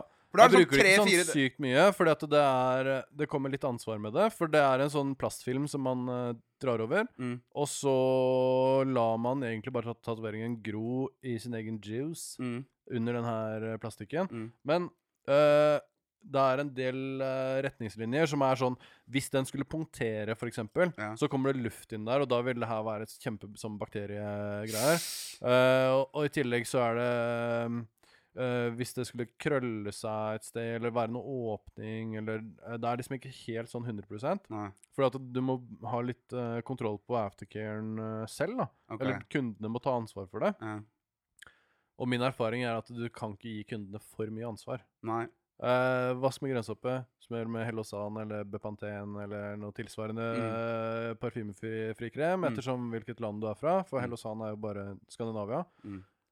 Og, og bare pass på å holde det reint, liksom. Ja. Det er fine retningslinjer. Second skin kan jeg bruke hvis det er noe småtteri, for Ja. eksempel, som er easy heal uansett. Ja. Men uh, hvis du holder på med Og jeg gjør jævlig mye svære greier, så hvis du holder på med en backpiece eller en Mm. hel arm eller noe, Mm. og da blæsta halve armen i én session, så Mm. da Det blir et lappeteppe å dra på sånne plastikk i Shit, eh, Jeg husker bare Halvor fortalte meg om det. Eh, Ja. Halvor Harsem.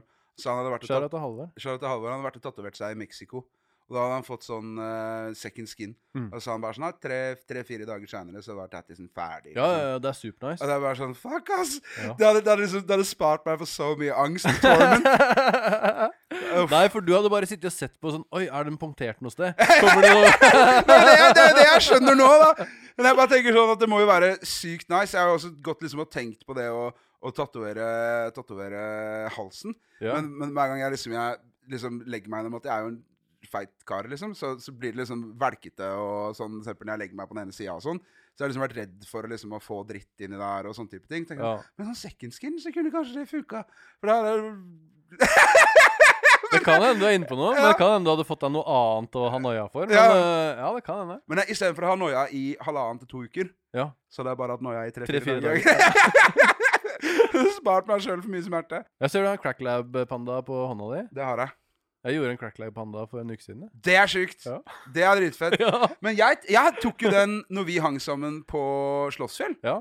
Slottsfjell 2017. Helt riktig. Da Så du var egentlig ganske seint ute?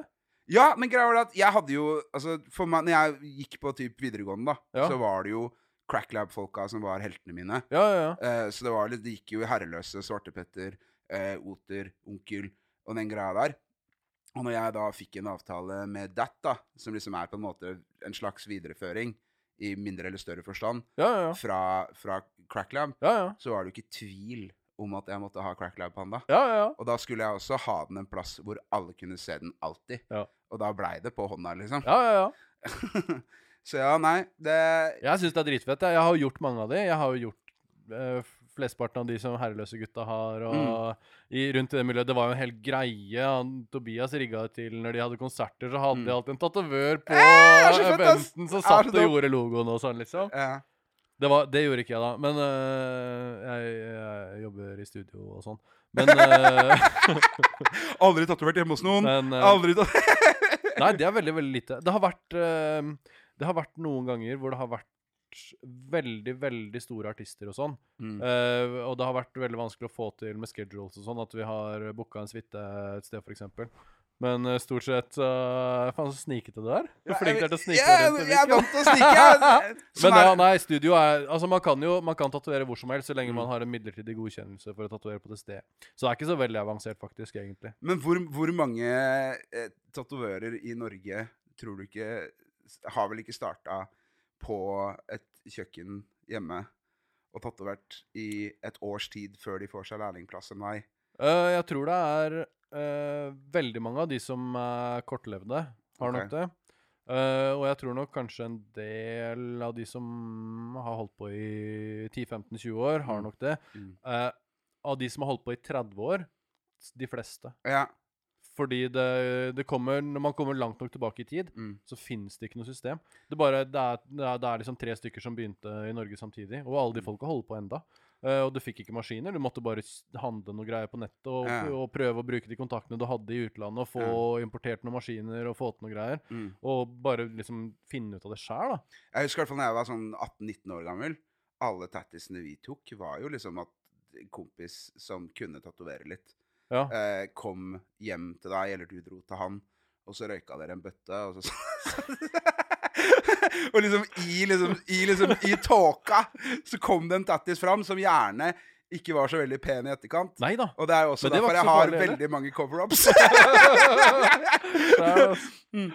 Men det var litt med den tida òg, da. Det var en tid hvor at um, man hadde veldig lyst på tatovering, men um, det, det var faen meg noe For det første var det ganske dyrt. ja.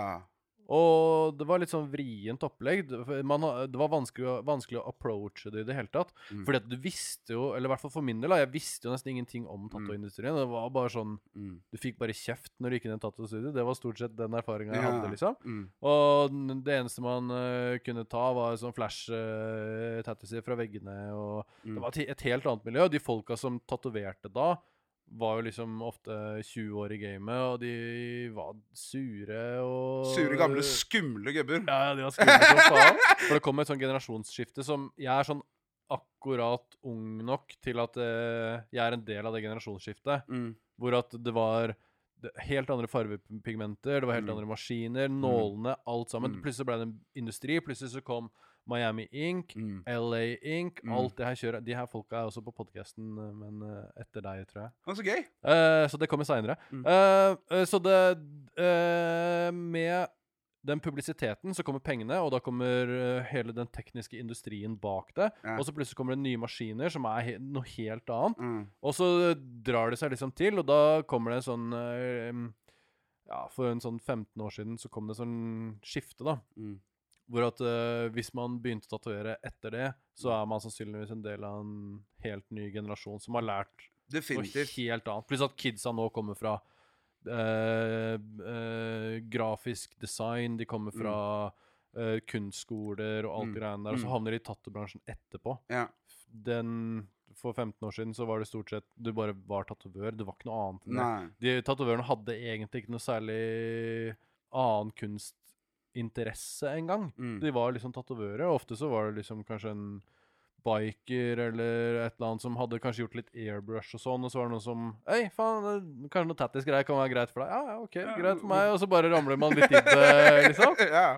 uh, mens nå så er det helt sykt, når jeg er på, sånn som når jeg er på Romamessa. Romamessa er, er helt sinnssykt. Mm. Um, kjempe, kjempesvær tattoo-convention eh, i, i Roma, og mange av de kidsa som er der, så går du rundt i båsene, og det er sånn 450 artister, kanskje. Sjukt. Og du har, du har kids som har holdt på kanskje i to år, og de bare gjør noen ting som er bare helt sinnssykt. Og jeg, jeg hadde aldri klart å eksperimentere meg fram til den greia som de holder på med. da. Mm. Men det er fordi at de kommer fra å, designe underbukser, ikke sant? Ja. Så at de har en helt annen tankegang. basic. Jeg har en tatto-tankegang, mens de kommer ofte fra en helt annen men tror du ikke også at man har flere, flere verktøy, da? Si at de har den Ja, kunnskapen du sitter på, pluss at de har andre inputs i tillegg.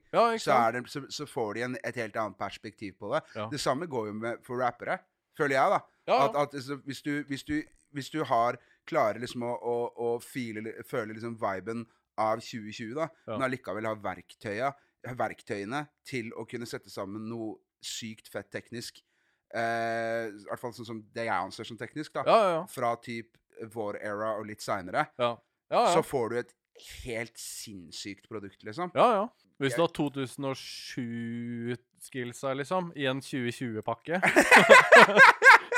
2007, ja, OK, ja, ja, jo. Eller litt sånn, litt sånn, Når det begynner å bli sånn litt nerdete, nesten Ja. for teknisk Ja. Hvor det begynner å bli så teknisk at det begynner å bli- nesten bli litt kjedelig, liksom. Når, du, når, du liksom, når de sitter og har liksom femstavelsesrim, og det er ingen mening, eh, bare, men det rimer så jævla kult. Det er litt av Eminem Ja.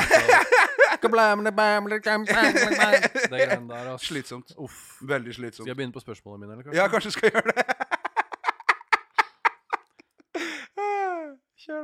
Ok, så her um, Ja, for det her uh, Vi toucha litt på det i stad. Mm. Um, Skis TV. Ja. Det her uh, Skis TV, for de som ikke vet det, er et sånt ehm, Er et rap battle uh, Må vi nesten si var. Må vi nesten si var. Ja, Rest sa jeg er? Ja. Ja. Nesten si rest in Skis peace. TV var Mm. et uh, rap battle-system som Nils Meskils arrangerte over en, en ganske lang tidsperiode. Mm. Med Norge og noen av Sveriges aller, aller kvasseste rappere, da. Og spesielt battlere, liksom. Mm. Hvor det var, det var til og med en del liksom vanlige kommersielle eh, rappere som var innom systemet og, og prøvde seg litt og sånn. Men eh, du var en ganske stor, av, stor del av det miljøet. Det var for Mm. så vidt jeg òg, men ikke Mm. på battle-siden. Men jeg Mm. var en del litt mer av systemet-siden og, og dommersiden og det her. Ja. Du var liksom en av bautaene hele veien. Mm. Og jeg husker, jeg husker en gang som du skulle battle Tabasco, Hakan fra Mm. Tonne Bricks. Mm. Uh, og jeg kjenner Hakan litt eh, fra før. Vi jobba sammen en, en liten periode Mm. uh, før Skis. Og, eh, og da husker jeg jeg sto oppe på backstagen på Blå, for at jeg tror kanskje jeg dømte noe på det arrangementet. Mm. Og så snakka jeg litt med Hakan, han var så sykt forbanna. Ja. Og så spurte jeg faen, hva er greia, liksom? Og da var det rett og slett den battlen med deg, altså. Det var sånn Ja, det kom til under huden på han. Det var ikke rap, liksom. Det der, det var liksom ekte. Han liksom hadde bare Det hadde manifestert seg i kroppen hans, den Mm. der beefen, liksom. Det var Mm. skikkelig, skikkelig Han tok det veldig alvorlig, liksom. Mm. Og jeg synes Det er liksom sånn fint øyeblikk i det der skisgreiene hvor liksom Det er bare rap, og man skal bare kødde med hverandre. Mm. Men noen ganger så bare stikker det så sykt personlig. Det bare stikker så dypt, liksom. da Men det var jo litt greia Altså, jeg, jeg, en- jeg føler kanskje at jeg hadde en litt annen approach enn veldig mange andre battle-rappere hadde. Ja. Uh, jeg, mens de fleste var liksom på uh, King of the Dat og Don't Flop-tippen, hvor det var mye jokes og, og moro, eh, som jeg også likte, så så jeg kanskje enda mer på URL-battlesa. Mm. Og det å liksom skulle mestre tekniske. ja. det tekniske, og ikke bare det, men også det som virkelig liksom stikker, da. Mm. Jeg hadde noen grenser for meg sjøl, jeg også. Og jeg kunne sikkert gått lenger i veldig mange battles, så glad jeg ikke gjorde det. Jeg jo, følte jo sjøl at eh, det var jeg, hadde, jeg har hatt den følelsen som Hakan hadde sjøl, jeg også, etter battles. Mm. Spesielt etter jeg battla Bru, Bru, liksom. God damn. Da hadde jeg da, Det må, da, da, måtte jeg, da måtte jeg stoppe folk hjemme i Arendal. Da måtte jeg stoppe folk hjemme i Arendal. Ja. Da var, det, da var det sånn at nei, du kan ikke gjøre det. Det var en battle. Jeg tror kanskje den battlen din med Bru er nok det drøyeste og mest personlige som var noen ganger TV, kanskje med unntak av når Jester slappa Mm. Men det var jo ikke så Altså, det var en ganske overfladisk greie. Jeg syns at Med Jester? Ja. Jeg følte at det, Nå kjenner jo ikke jeg Nå, nå, vet, nå vet jo ikke jeg om uh, om kiden til Jester er uh, funksjonshemma. da, Det skal ikke jeg si noe om. Det, Nei, nei. Jeg, tror, men jeg tror ikke det. Men altså, det er en ganske overfladisk ting. Og hvis man ikke har sagt ifra på forhånd at, Og det er derfor jeg ikke følte heller at jeg kunne si noe på det greiene med Bru. Eller jeg har ikke sagt til han at dette her kan du ikke snakke om. Nei. Og det går jo an å avklare sånne ting på forhånd. Ja, det gjør jo det. Det gjør det. Uh, og hvis man da heller violater regler, da kan vi heller ta oss og spille, spille endgame etterpå. Ja, ja, ja. Men, men eh, når, man, når det Så Jester sa jo ifra på slutten av verset sitt Jo, men det er jo ikke freestyle. at hvis du gjør det Men samtidig så sa han jo det samme mot uh, Kenneth. Hva er det han heter for noe? Hayoken? Hayoken? Ja. Ok. Sa han akkurat det samme på slutten av verset sitt. Han gjorde det, ja. Samme barsa. Uh, om hvis vi snakker om eh, kjæresten min og barna mine, Ja. så fikk jeg til deg, liksom. ja. Jeg vet ikke om han nesten håpa på at det skulle skje. ja. Han Kanskje, han ville, kanskje han ville ha den litt. Jeg vet ikke, jeg. Eh, jeg har eh, kjærlighet både for, eh, både for Jester og, og Pats, jeg. Jeg tror ikke egentlig at at det var noen som egentlig ville såre noen på ordentlig. Og det er det jo i utgangspunktet ingen som vil heller, tror jeg. Med mindre det virkelig er noe bakgrunnshistorie for det. Ja, for det kan jo bli litt vanskelig. Altså er Jester har jo litt battle-bakgrunn, men du ser jo eh, Du ser jo for eksempel i Sverige, da. Mm. Basementality, når eh, uh, han Sebastian fra Kartellen Stacks mot Ali One, er det du tenker på? Ja. Så du merker ganske fort hvor Skoen trykker. Ja, det er ikke Han er ikke så veldig komfortabel i den battle... Men klarer til og med Sebbe Stacks å, å holde roen sin i battleringen, så burde Justin klare det. så- Altså. You heard it here first! Tenker jeg, da, i hvert fall. Jo da. Ja, ja, ja for så vidt. Mm. Du sier noe der. Ja. Men eh, samtidig så Jester er jo fra et uh, uh, Holdt jeg på å si urbant miljø. Jeg har så for vond smak i munnen. Men han er jo fra gatemiljøet, han også, så, eh, så du har jo noe liggende bak der. Og så er det litt press av stemning, og så er det litt adrenalin, og så er det fort at det koker litt over. Men det var i utgangspunktet, hvis du ser på, hvis du ser på klippa, så er du ganske uskyldig. Ja, det, er det en, er det. det er en ørefik. Ja, det. Jeg husker sjøl, jeg dømte den battlen. Ja, jeg husker selv, så jeg ser meg sjøl i bakgrunnen. ja jeg Og så bare så ser du bare øynene mine bare OK! Du bare Vi åpner bare sånn Hva skjedde nå? Ja, for jeg husker det som Fordi jeg snakka, jeg snakka med Roma om det her nesten rett etterpå. Ja. For han var sånn veldig offentlig om at folk må klare å få litt juling. Mm. Ikke sant? Og det er, det er jeg ikke enig i i det hele tatt. Folk har sine egne personlige grenser, og det skal man ikke tråkke over. Ja. Men jeg følte når jeg var der, at det var nesten litt mer kleint enn det det faktisk var juling. Det var akkurat det det var. Det var ikke Jeg har vært i noen slåsskamper. Det var ikke noen slåsskampfølelse rundt det. Det Det var, var en sånn flau følelse Det var en flau etterpå. At det her, skulle, det her skulle ikke ha skjedd, liksom. det var en flau ørefik. Ja, det var det det var. altså, det var ikke Det var ikke, det var ikke Math Hafa mot uh, Disaster i, eh, i Los Angeles med 30 Crips som hopper inn i ring. Nei, det, var, ikke- der. det, var, var, det, det. Det jeg Eh, tror gatas var i clouden men Åh, nå får du meg til å Faen, da har vi, da har vi name-droppa hele rap-Norge. Nei, men altså, det, det kan jo Men altså, noen, noen battles tar man mer seriøst enn andre. Ja, ja. Noen battles eh, ligger det mer i, til grunn for enn andre.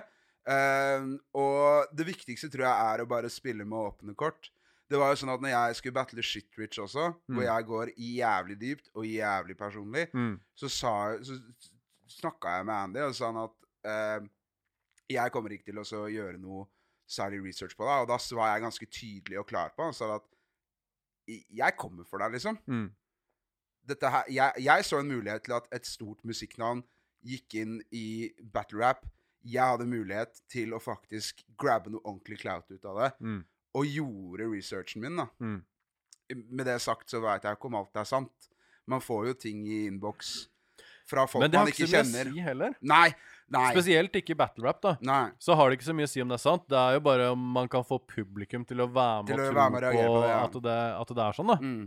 Men jeg fikk jo jeg fikk, altså, for, og, og, og, kan, være, kan også være så, så enkelt som at noen er sur på av en annen grunn. Ja, ja, ja. Og ja, får lyst til å fòre en battle-rapper med info. Ja, ja. Så enkelt kan det være, liksom. Ja, ja. Og så tenker man, så får man den infoen, og så tenker man Kan jeg bruke dette her? Kan jeg spinne det? Kan jeg utvide det? Kan jeg forsterke det? kan jeg kjøre, kan jeg kjøre en såpass manipulativ tripp på dette her, som gjør at de ikke bare eh, syns at dette er en bra bar, men også faktisk blir sure på vedkommende under battlen, Ja, ja. samtidig som jeg gainer sympati Ja. fordi at jeg har vært i en type ung møter rus-situasjon sjøl. Ja, ja, ja. Altså, jeg, jeg fikk jo alle poenga. ja, ja, ja. Uh, jeg, fikk, jeg fikk, gjorde akkurat det jeg hadde lyst til å gjøre i den battlen. Er det, eh, hvordan, hvordan liksom fungerer hjernen din når du setter deg ned for å gjøre klart til noe sånt nå? Du er stressa. Jeg vet i hvert fall at jeg er stressa. Eh, Men i skrivedelen også? Ja, for man, man vet jo aldri Altså Selv om man vet at man er kapabel, og man vet at man har et, man vet at man har et minimumsnivå, og så vet man at man har et, et, et, et, et maksnivå. Uh, og man vil jo gjerne prøve å heve maksnivået. Når du først setter deg ned, så veit du jo ikke helt hva du klarer å presse fram av kule bars. Og hva du syns er kule bars, er ikke nødvendigvis det publikum vil reagere på. Nei, Det har jeg klasseeksempel Blir du på. overraska nå, eller har du blitt overraska? Hvor du har liksom Plutselig så kommer det en bar som bare Å, dæven, det fungerte, liksom. Mm, Hvorfor mm. fungerte det? Helt riktig. Og det, ofte, og det som ofte var frustrerende for meg, var at det ofte var de enkle jokesa mine Ja. som traff best. Men føler du at det kanskje var litt i den seinere epoken av Skis TV, hvor det var veldig mange i crowden som var der for å være i crowden til Skis TV, og som ikke var der fordi de var i De hiphop-miljøet? vi, ville ha trynet sitt på VGTV, liksom. Ja, ja, ja. Jeg føler kanskje at når jeg kom Jeg kom jo inn jeg kom, jeg kom inn ganske tidlig, men jeg var ikke bare på langt der blant de første. Jeg var, jeg, min debut var jo på det første blåstevnet ja. i 2012. Men det var jo på en måte da det begynte å bli noe særlig trøkk i det, da. Jo, jo, men de andre hadde jo erfaring. De andre hadde jo Ja, det battla. sant. jeg, jeg gikk inn der for første gang. Og når jeg gikk inn der da, så, så, så selv om jeg på en måte eh, visste hva jeg syntes var kult å høre sjøl, så skjønte jeg jo fort at jeg kunne ikke bare stå i den ringen og true folk på kreative måter. En norsk, en norsk battle crowd reagerer ikke på det. Nei, de gjør ikke det. Folk blir liksom da, noen, noen blir kanskje litt skremt, og andre eh, vet kanskje ikke helt hva de skal si. Og andre tenker at 'å, det her var teit'. Ja. Man må liksom lære seg å tilpasse seg hva som er forventa av en, av en battle crowd, da. Eh, og, og lære seg å lese publikummet som kommer til å være i rommet. Det er jo også derfor man ofte gjerne snakker om når man snakker om battle rap i et større perspektiv, at uh, man tror at en rapper i en liga kunne fungert kjempebra i en annen liga, men en annen fra den ligaen ikke hadde fungert i den andre ligaen i det hele tatt. Ja. Uh, gjerne da når man snakker crossovers, URL, King of the Dot, da. Ja, ja, ja. Back in the days. Og det er litt sånn, man, man må liksom kunne lære man, man, man må vite hva publikummet ønsker. Og så kan man også være i en situasjon hvor man kan ta sjanser og håpe at dette kommer til å funke. Jeg husker at eh, når jeg battla Nils, så var det de tinga da, da måtte jeg bare Den første runden min er jo bare ordspill på ordspill på ordspill på ordspill. på ordspill. Mm. Og jeg hadde håpt at folk kanskje hadde hatt ørene sine mer på stilk, Mm. men de hadde nettopp gått gjennom eh, Norges lengste battle rett før. Ja, for Eh, det er problemet. Du har plassering, og det blir nesten som et standup-segment hvor du har mange etter hverandre. At mm. Din ting kanskje hadde fungert enda bedre hvis den bare hadde vært litt tidligere. Men så kommer da så For det var noen noe Unlimited-greier som var rett før Som var rett før meg og Nils. Og Nils Ja. hadde jo nettopp battla Ormstunge. Ja, stemmer det. Um, men så kommer da andre runda mi, hvor jeg kaller Nils en pedo, og det, får- det fucker folk ut av en annen verden. liksom. Ja, ja, ja. Da var det bare dritkult. ja, ja. Mens den forrige greia hadde en, en kort scheme som gikk over hva for noe 12 bars eller et eller annet. Jeg Ja. bare tenkte at dette her er det sjukeste jeg har skrevet. Hvis ikke folk reagerer på det her, så skjønner jeg ingenting. Det her var en tid i norsk rap der hvor folk var jævla lei av flinkis-rapperne. Uh, og den derre uh, Xanax-waven uh, i USA hadde begynt liksom å herje litt mer over i Europa, og folk var litt mer sånn eh, Nå er jo folk gira på å høre bars. De kuleste rapperne i gamet nå spytter jo bars. Um, så jeg tror det at jeg tror, Det tror jeg også YLTV tjener mye på. Mm. eh, I forhold til når de kjører eh, battle-arrangement nå. At folk Mm. er mer Det er et mer trent publikum for bars da Mm. enn det det var på den tida der. Norske, norske rap-fans er mer educata på den delen. De er ja. flinkere til å høre til ordspill, de er flinkere til å høre til double entendres uh, og, og den type greier, da. Ja, ja. Så Jeg tenkte kanskje mer på at akkurat på det her tidspunktet når du battla Nils, så var det Mm. kanskje mer eh, en større prosentandel i crowden som var litt sånn utrente hiphop-lyttere, mm. men mer uh, Skis TV-fans. Jo, jo, men det jeg gjorde, Og var jo ikke ofte så er de ute etter å høre Drifter Kid snakke om at, hva han har vært og henta over grensa. Bless his soul. Bless his soul. Uff. Nei, ja, altså Nei, det, er, ja, det, er, det var jo liksom det som var poenget mitt. da At hvis jeg kjørte bar-heavy runder, så fikk man ikke den responsen. Mm. Hvis man kjørte en joke-heavy runde, så fikk du den. Mm. Men samtidig, når det var dømt, den perioden det var dømt, Mm. så ville jo døm dommerne eh, ofte legge ganske mye vekt på det tekniske og sånn, mer kanskje enn publikumresponsen. Eh, men innimellom så var det kanskje noen dommere som var litt vel dritings der i time nummer fire på det arrangementet. out til Archie Ellis. Nei, jeg bare kødder.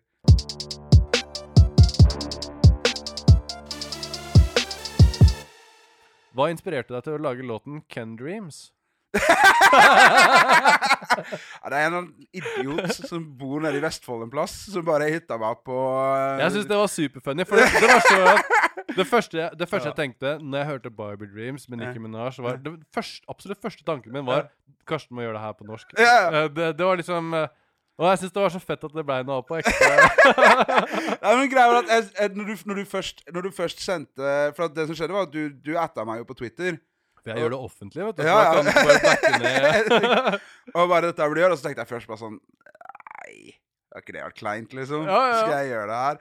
Og så satt jeg da Det her var jo, det var jo den perioden uh, Det var jo eh, rett før Det var det, var Altså, det som er kult, da, faktisk, er jo det at Ken Dreams la jo mye av grunnlaget for at jeg hadde et halvt år hvor jeg kun gjorde rap Ja. i, eh, i 2019. Vær så god. Takk. um, og så satt jeg bare oppe og satt egentlig og hadde noen ganger um, I en periode så hadde jeg en sånn Var det streng med meg sjøl? Nå skal du sette deg inn, skal du skrive. Ja. Blir det noe av det, så blir det noe av det. Blir det ikke noe av det, så blir det ikke noe av det. Ja, For jeg hadde en sånn litt sånn uinspirert periode. Um, og så bare sånn OK, greit, da. Få ta opp uh, Anders på det han sa, og så får vi bare se hva det blir. Og så ble det jo dritfunny. Ja, ja, det ble superfunny. Eh, gikk jo en eh, seiersgang på National Rap Show Ja, ja, ja, i en lengre periode. Eh, eh, og Nei, det var, det var jævla gøy. Og så var det også morsomt å se litt sånn reaksjonene fra folk som ble nevnt og sånn også. Ja, For at det var jo Mesteparten syntes jo bare det her var gøy. ja. ja. Og så er det noen som ikke har sagt noe i det hele tatt. ja. Et par kleine, et kle, par kleine sammentreff i, i etterkant. Sånn er livet. Ikke noe sånn konfrontasjon eller noe sånt, Nei, du, nei, merker, men du merker at det her syns ikke Gøven var greit. Ja, ja, det, her, det her var ikke noe koselig i det hele tatt. Det, det kunne du spart deg for, Karsten. Men jeg tenker at jeg booka så mange gigs på bakgrunn Og så er det noe med at eh, man må tørre å pushe de grensene litt, da. Definitivt. Og jeg er sånn, sånn OK, hvis noen har lyst til å bli sure for det, For så hadde det, så, hadde det, liksom. så hadde det faktisk kanskje vært bedre. Hvis det hadde blitt en ordentlig beef ut av det, Ja, ja, ja. så kunne det kunne blitt Hvis det hadde blitt en fight ut av det. Det liksom. kunne liksom blitt, kunne liksom blitt Stormzy Wiley-stemning ut Ja, av det. ja, liksom. ja, ja. Men det ble det jo ikke. Ehm, men uh, uansett, det var, uh, det var en dritkul periode. Og den slapp jo også rett før uh, Bylarm. Ja. Og det var jo der liksom Jeg, jeg, jeg, jeg ender jo alltid opp på den der gule lista til Bylarm, hvor det er sånn derre eh, Hvis noen kansellerer, så kommer vi til å ringe deg, greie. Og så endte jeg opp med å spille på den der gatefesten på Lockshop. Um, men i hvert fall pga. det så hadde jeg jo pass overalt på Bylarm, og da traff, treffer jeg jo alle de trynene. Uh, og aller fleste kom bort til meg bare sånn herre Ei, det du gjorde der, det var fett, ass. Og jeg lo. Uh, Ja, ja, hele veien. Jeg ler av det ennå. Første som skjedde etter den ble sluppet, var at, uh, var at eh, Son of Light ringer meg opp og bare Karsten, nå sitter jeg på bussen og ler høyt. Det har jeg aldri gjort før. Det er din skyld. uh, så nei, det var Nei.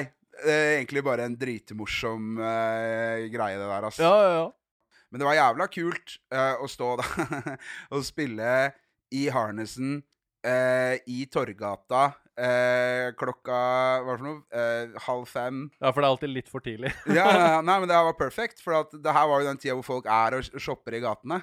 Ja, ja, jo. Men de er, ikke ute, de er ikke ute for å feste Nei, nei, nei. og være med på den greia. Nei, nei, men liksom. det var jo dritkult, for at folk bare sånn Hva faen er det som skjer her? Står det en feit mann med noen lærbelter rundt overkroppen og, og rapper i, over grime beats eh, om å suge kuk.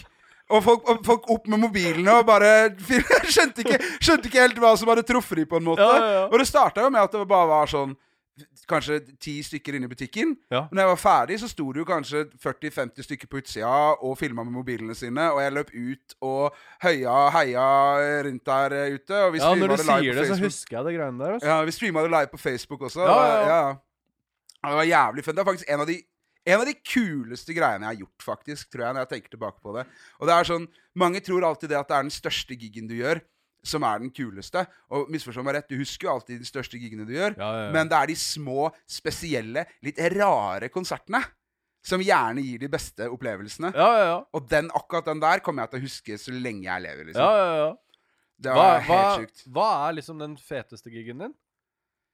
Er det det største? Er det det råeste, eller eh, Nei, men det er- så mange, det er så mange sånne eh, som, som henger igjen. Jeg synes det var, altså, og noen ganger så er jo giggen kul bare pga. at du syns det er stort å bli booka dit. Ja. Når Folkefiender ble booka til Explosive i Stavanger, Mm. syns jeg at det var helt sykt fett, liksom. Endelig ble vi anerkjent av, uh, av Tore og gutta borte i Stavanger, og de inviterer oss til å komme og spille. Eh, på, det, på den tida var Norges største hiphopfestival. Mm. Eh, til å vinne Hoveslaget med Folkefiender og spille på Hovfestivalen på hjemmebane Mm. foran 700-800 stykker eh, der. Eh, til å gjøre første, første Oslo Pride-gigen min foran 5000.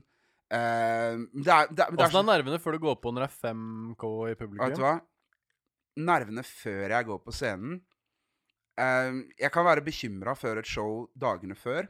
Når det er sånn ti minutter, kvarter igjen, så går jeg bare inn i hype-mode. Ja. Jeg går bare inn i sånn derre Du har en jobb å gjøre, og dette her er det du elsker å gjøre. Og nå er de her for å høre på deg. ja. Uh, og akkurat den foran 5000 var fet, for, men da var, det ikke, da var det ikke der bare for å se meg. Det var jo paradeshowet. Men når jeg i 2019 hadde min egen slott på hovedscenen i Pride Park, hadde med meg Jodski for å spille der, og vi trakk ca. 1000 mennesker foran scenen bare på mitt navn, Ja, ja, ja. det var sjukt. ja det er for det er nesten utsolgt Rockefeller, liksom? Ja, det er det. Ja. Det, var, det, det, det var frysninger. ja, ja. ja. Og bare sånn Hvis 12 år gamle Karsten hadde sett eh, 30 år gamle Nei, jo, på den tida var jeg 30. 30 år gamle Karsten med kanskje en av de aller største heltene sine ja. På en så stor scene foran så mange mennesker. Tror du han har vært stolt? Herregud, han hadde, han hadde pissa på seg. Ja. Han hadde klikka for den, liksom. Jeg husker jeg kjøpte fem år og like langt DVD-en til Tungtvann. Og så den så mange ganger at den ikke gikk an å se den lenger. Ja, ja, ja. Den var i stykker, liksom. ja. bare den feelinga der, da. Og det var sånn Alt var så gjennomført. Alt, og alt liksom gikk akkurat sånn som det skulle, og det gjør det aldri. Nei, det gjør ikke det. Og det var bare sånn Alt bare tsh, tsh, tsh, Bare alt gikk akkurat som det skulle. Men det er jo mange ting som er gøy. Sånn som norsk hiphop-historie, når jeg fikk spille på den del to der, eh, foran fullsatt Rockefeller, eh, hadde nettopp kommet ut, ante ikke hva jeg kunne forvente, og hele jævla crowden bare klikka bananas, liksom. Det er bare sånne feeling. Og det er sånn Men jeg har også spilt konserter i kunstatelier i Hardanger. Som har vært sykt fete, liksom. Ja, ja, ja. Og det, er, det kommer bare helt an på hva slags vibe man får med publikum. Heldigvis for min del så har jeg gjort såpass mange dårlige gigs i ung alder at jeg veit på en måte litt hvordan jeg skal håndtere Føler jeg sjøl, da. Mm. En, en hvilken som helst crowd. Og, og forstår ganske tidlig hva de er ute etter, Mm. og hva de vil ha. Og hvis man bare klarer å catche viben i rommet, og gjøre rommet til ditt, så blir det gøy uansett, på en måte. Det er veldig, veldig sjeldent at jeg har liksom dårlige vibes etter å ha gjort et show. Jeg hadde ett, et show i 2019 som var jævla kjipt. Det handla mest om én fyr eh, som takla dårlig at eh, jeg rappa i harnessen min og rappa om å suge kuk, som fulgte etter oss ned på T-banen etterpå for å skrive meg juling. Det gikk ikke så greit for han. Eh, men bare sånn Uansett, da. Det var liksom en vond følelse. Mm. Det var liksom kjipt. Og det er sånn greit nok å få liksom tr trusler og piss på nettet og sånn, da, men når du liksom Ni av ti tilfeller så er det liksom Nordfront-medlemmer eh, som ikke tilhører din verden i det hele tatt. Men når du da liksom er såpass kloss på hjemme, da, så er det liksom kjipere. Og du merker at viben Han fyren der var hekla gjennom showet, liksom. Og den viben som satt igjen, da, den var liksom kjip. Men det er, det er så sjeldent at det skjer. Det er si, det er vanskelig å si hvilken som er den absolutt beste, absolutt største. Ja, ja.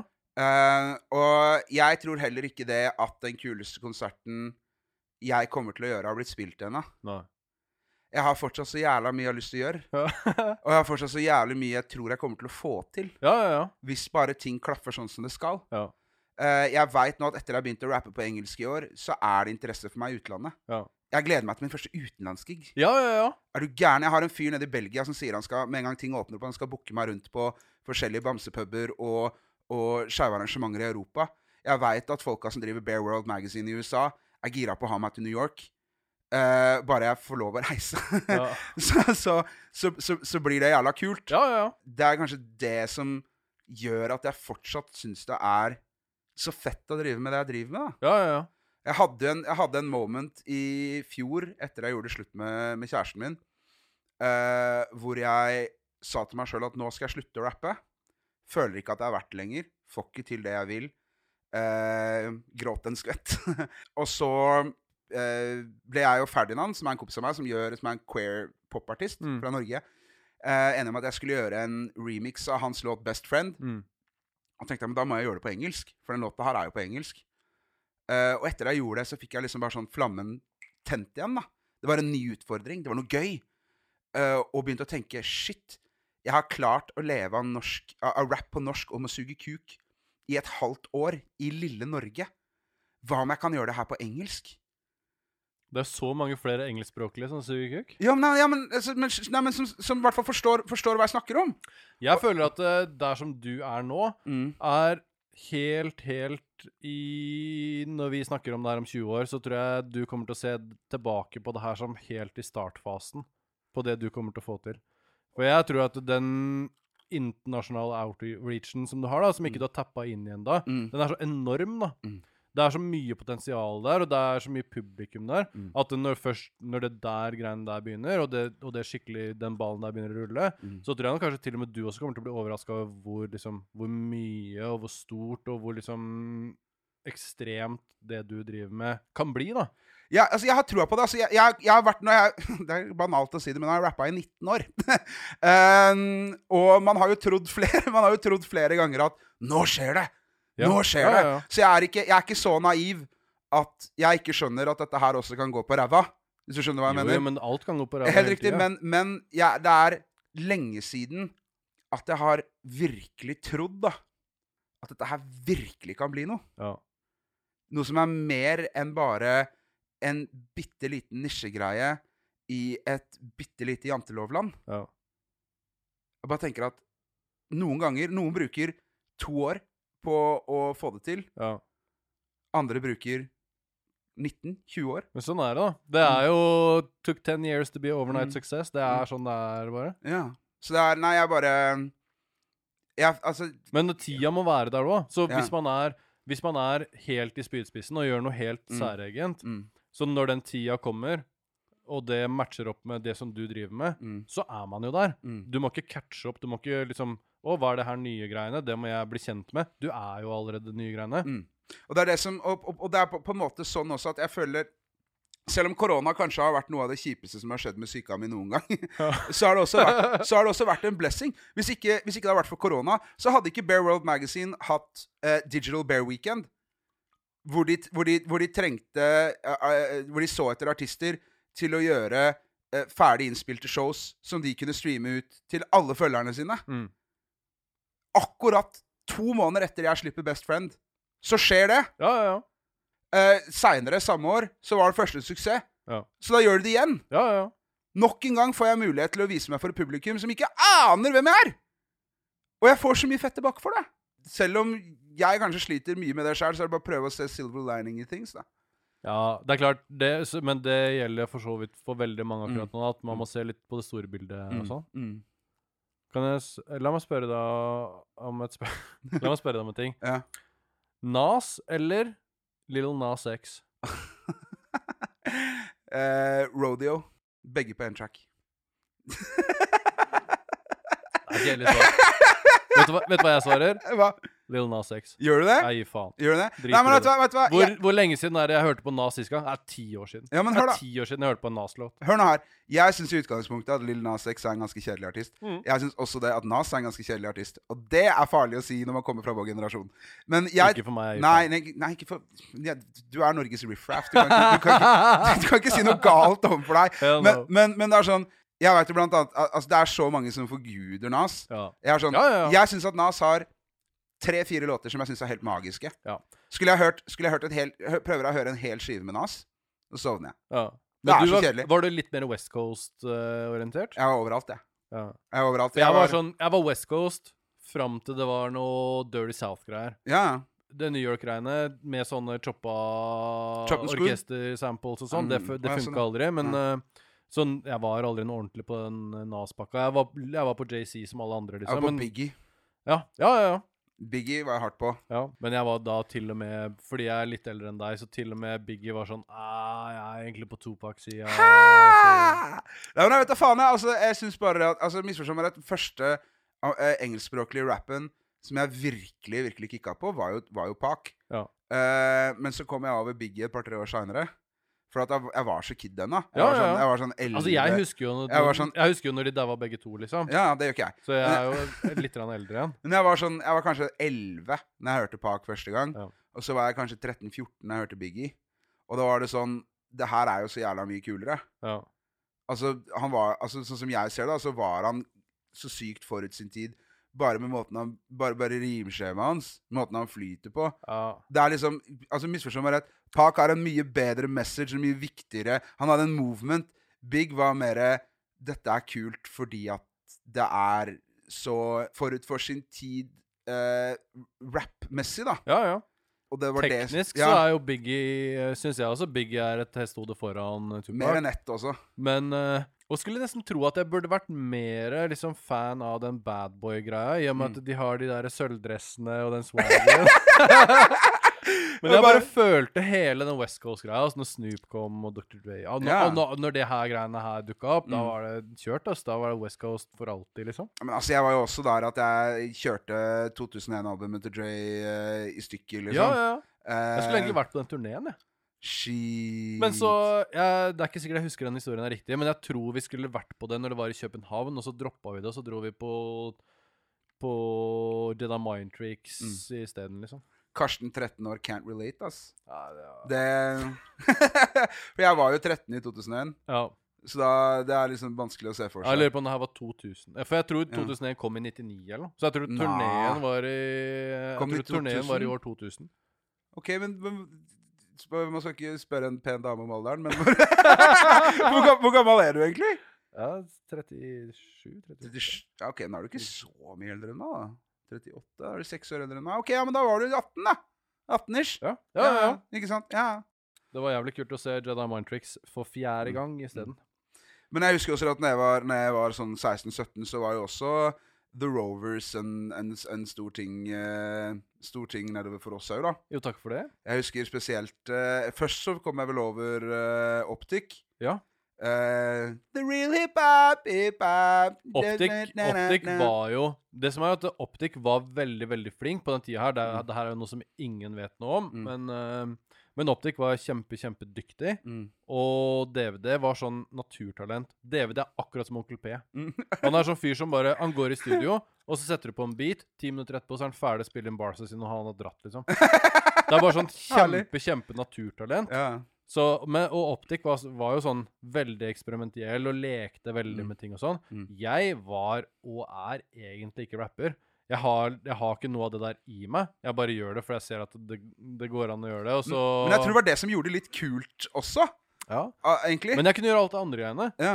Jeg kunne samle det her greiene, og liksom eh, Jeg kunne organisere alt, sånn at eh, kanskje de rap-gutta Det eneste de på en måte hadde kapasitet til, var å komme i studio og spille noen greier. Mm. Men jeg kunne gjøre sånn at eh, to måneder etterpå så satt vi med eh, en pall med pappesker med hardcopies eh, som vi kunne ta med rundt og selge på de arrangementene vi skulle spille på, fordi at Mm. de hadde pusha på det. ikke sant? Mm. Og så blei vi signa på artistpartner ganske tidlig. Shit. Så um, eh, vi, vi fikk jo jævlig mye svære gigs, og Mm. det var jo kjempegøy, liksom. Eh, men så stoppa det litt opp. De artistpartene ville vi skulle være i, eh, i studio og lage litt mer musikk som de ville. Eh, litt, mer snillere musikk, eller? Litt mer snillere Eh, musikk. Litt mer snillere Vet du hvem som fikk den jobben isteden? De av to andre rappere som overtok. Karpe? Nei. Nei. Hvem? E- Erik og Chris. Nei! Nei! så, uh, men vi var på en måte ferdig med de studiegreiene. Vi var hypp på å spille konserter så lenge, så lenge det holdt. Ja. Uh, fikk noe sånn uh, Urørt-greier. Månedens Urørt. eller Ja. Jeg, jeg husker ikke engang, vet du, for det har skjedd så mye i livet mitt siden. Ja. Men Så vi hadde jo sykt mye konserter lina opp. Uh, og vi hadde jo det nettverket. Så vi hadde mye venner som arrangerte kjempestore amerikanske rappere og sånn, så det var sånn Ja, jeg får varme opp der i dag igjen, liksom. Mm. Eh, så, eh, så vi hadde jo alt det der gående, så vi ville bare gjøre det så lenge det varte. Og så stoppa det opp etter hvert. Ja. Så eneste som egentlig gjorde potensialet sitt med det, var Christian Sirius, som da ved et eller annet tidspunkt sa OK, eh, det lille norsk rap-miljøet er ikke stort nok for meg, liksom. Jeg vil prøve meg på noe litt eh, det kommersielle markedet, og, og gjorde Norske Talenter, og vant Norske Talenter ja. et av de første åra det var. Mm. Og, og liksom gjorde super, super karriere av det i mange, mange år etterpå, liksom. Mm. Og spilte liksom VG-lista og alle de her største greiene. Uh, OK, hør på det her, da. Mm. Du skjønner at det her må jeg klippe neste det er, og det her, men det her er problemet med hjernen min, da, for hjernen min fungerer sånn uh, Jeg begynner å prate, Mm. og så det, her, det som kommer ut, går veldig seint. I hjernen min så går det sånn her. Mm. og så, når jeg da Når ordet, de sakte orda kommer ut, Mm. så er jeg allerede ferdig med det, og på noe andre greier. Så vil heller, nå vil jeg heller være her borte, liksom. Ja. Uh, og det fins utredninger for sånt òg. Ja. Men én ting som jeg har gjort noen ganger, for nå, nå må vi runde av på ekte snart. ja. ja. Uh, uh, det som ikke vi rekker, det får vi ta neste, neste gang. Sure. Neste episode så er det Helene Ekra som kommer. Og hun har vært på din uh, podkast òg. Den Yep. podkasten som du er en del av. Ja. Faenpod.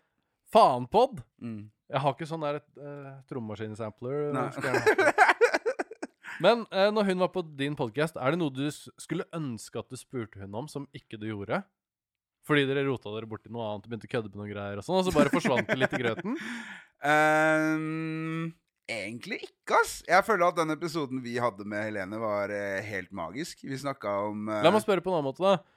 Eh, når Helene kommer, Mm. er det noe du vil jeg skal spørre hun om, som er et spørsmål fra deg? Som er spørsmål fra meg.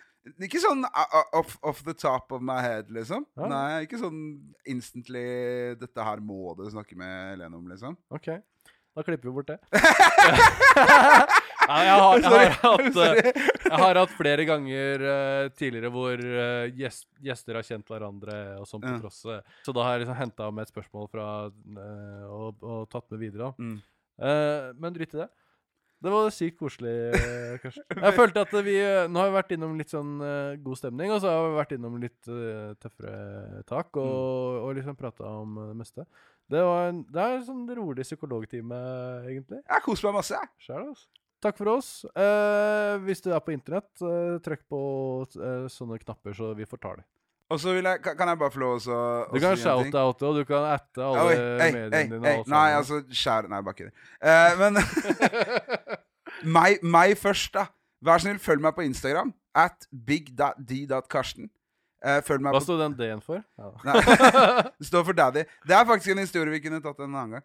Uh, hvorfor det blei sånn. Uh, men at Big Daddy Karsten på Twitter, på Facebook. Eh, følg meg på Spotify. Growler. Gra er, du, er du 40 pluss, har hår på kassa og litt mage, hit me up. Takk for oss, podkasten. Peace. Peace.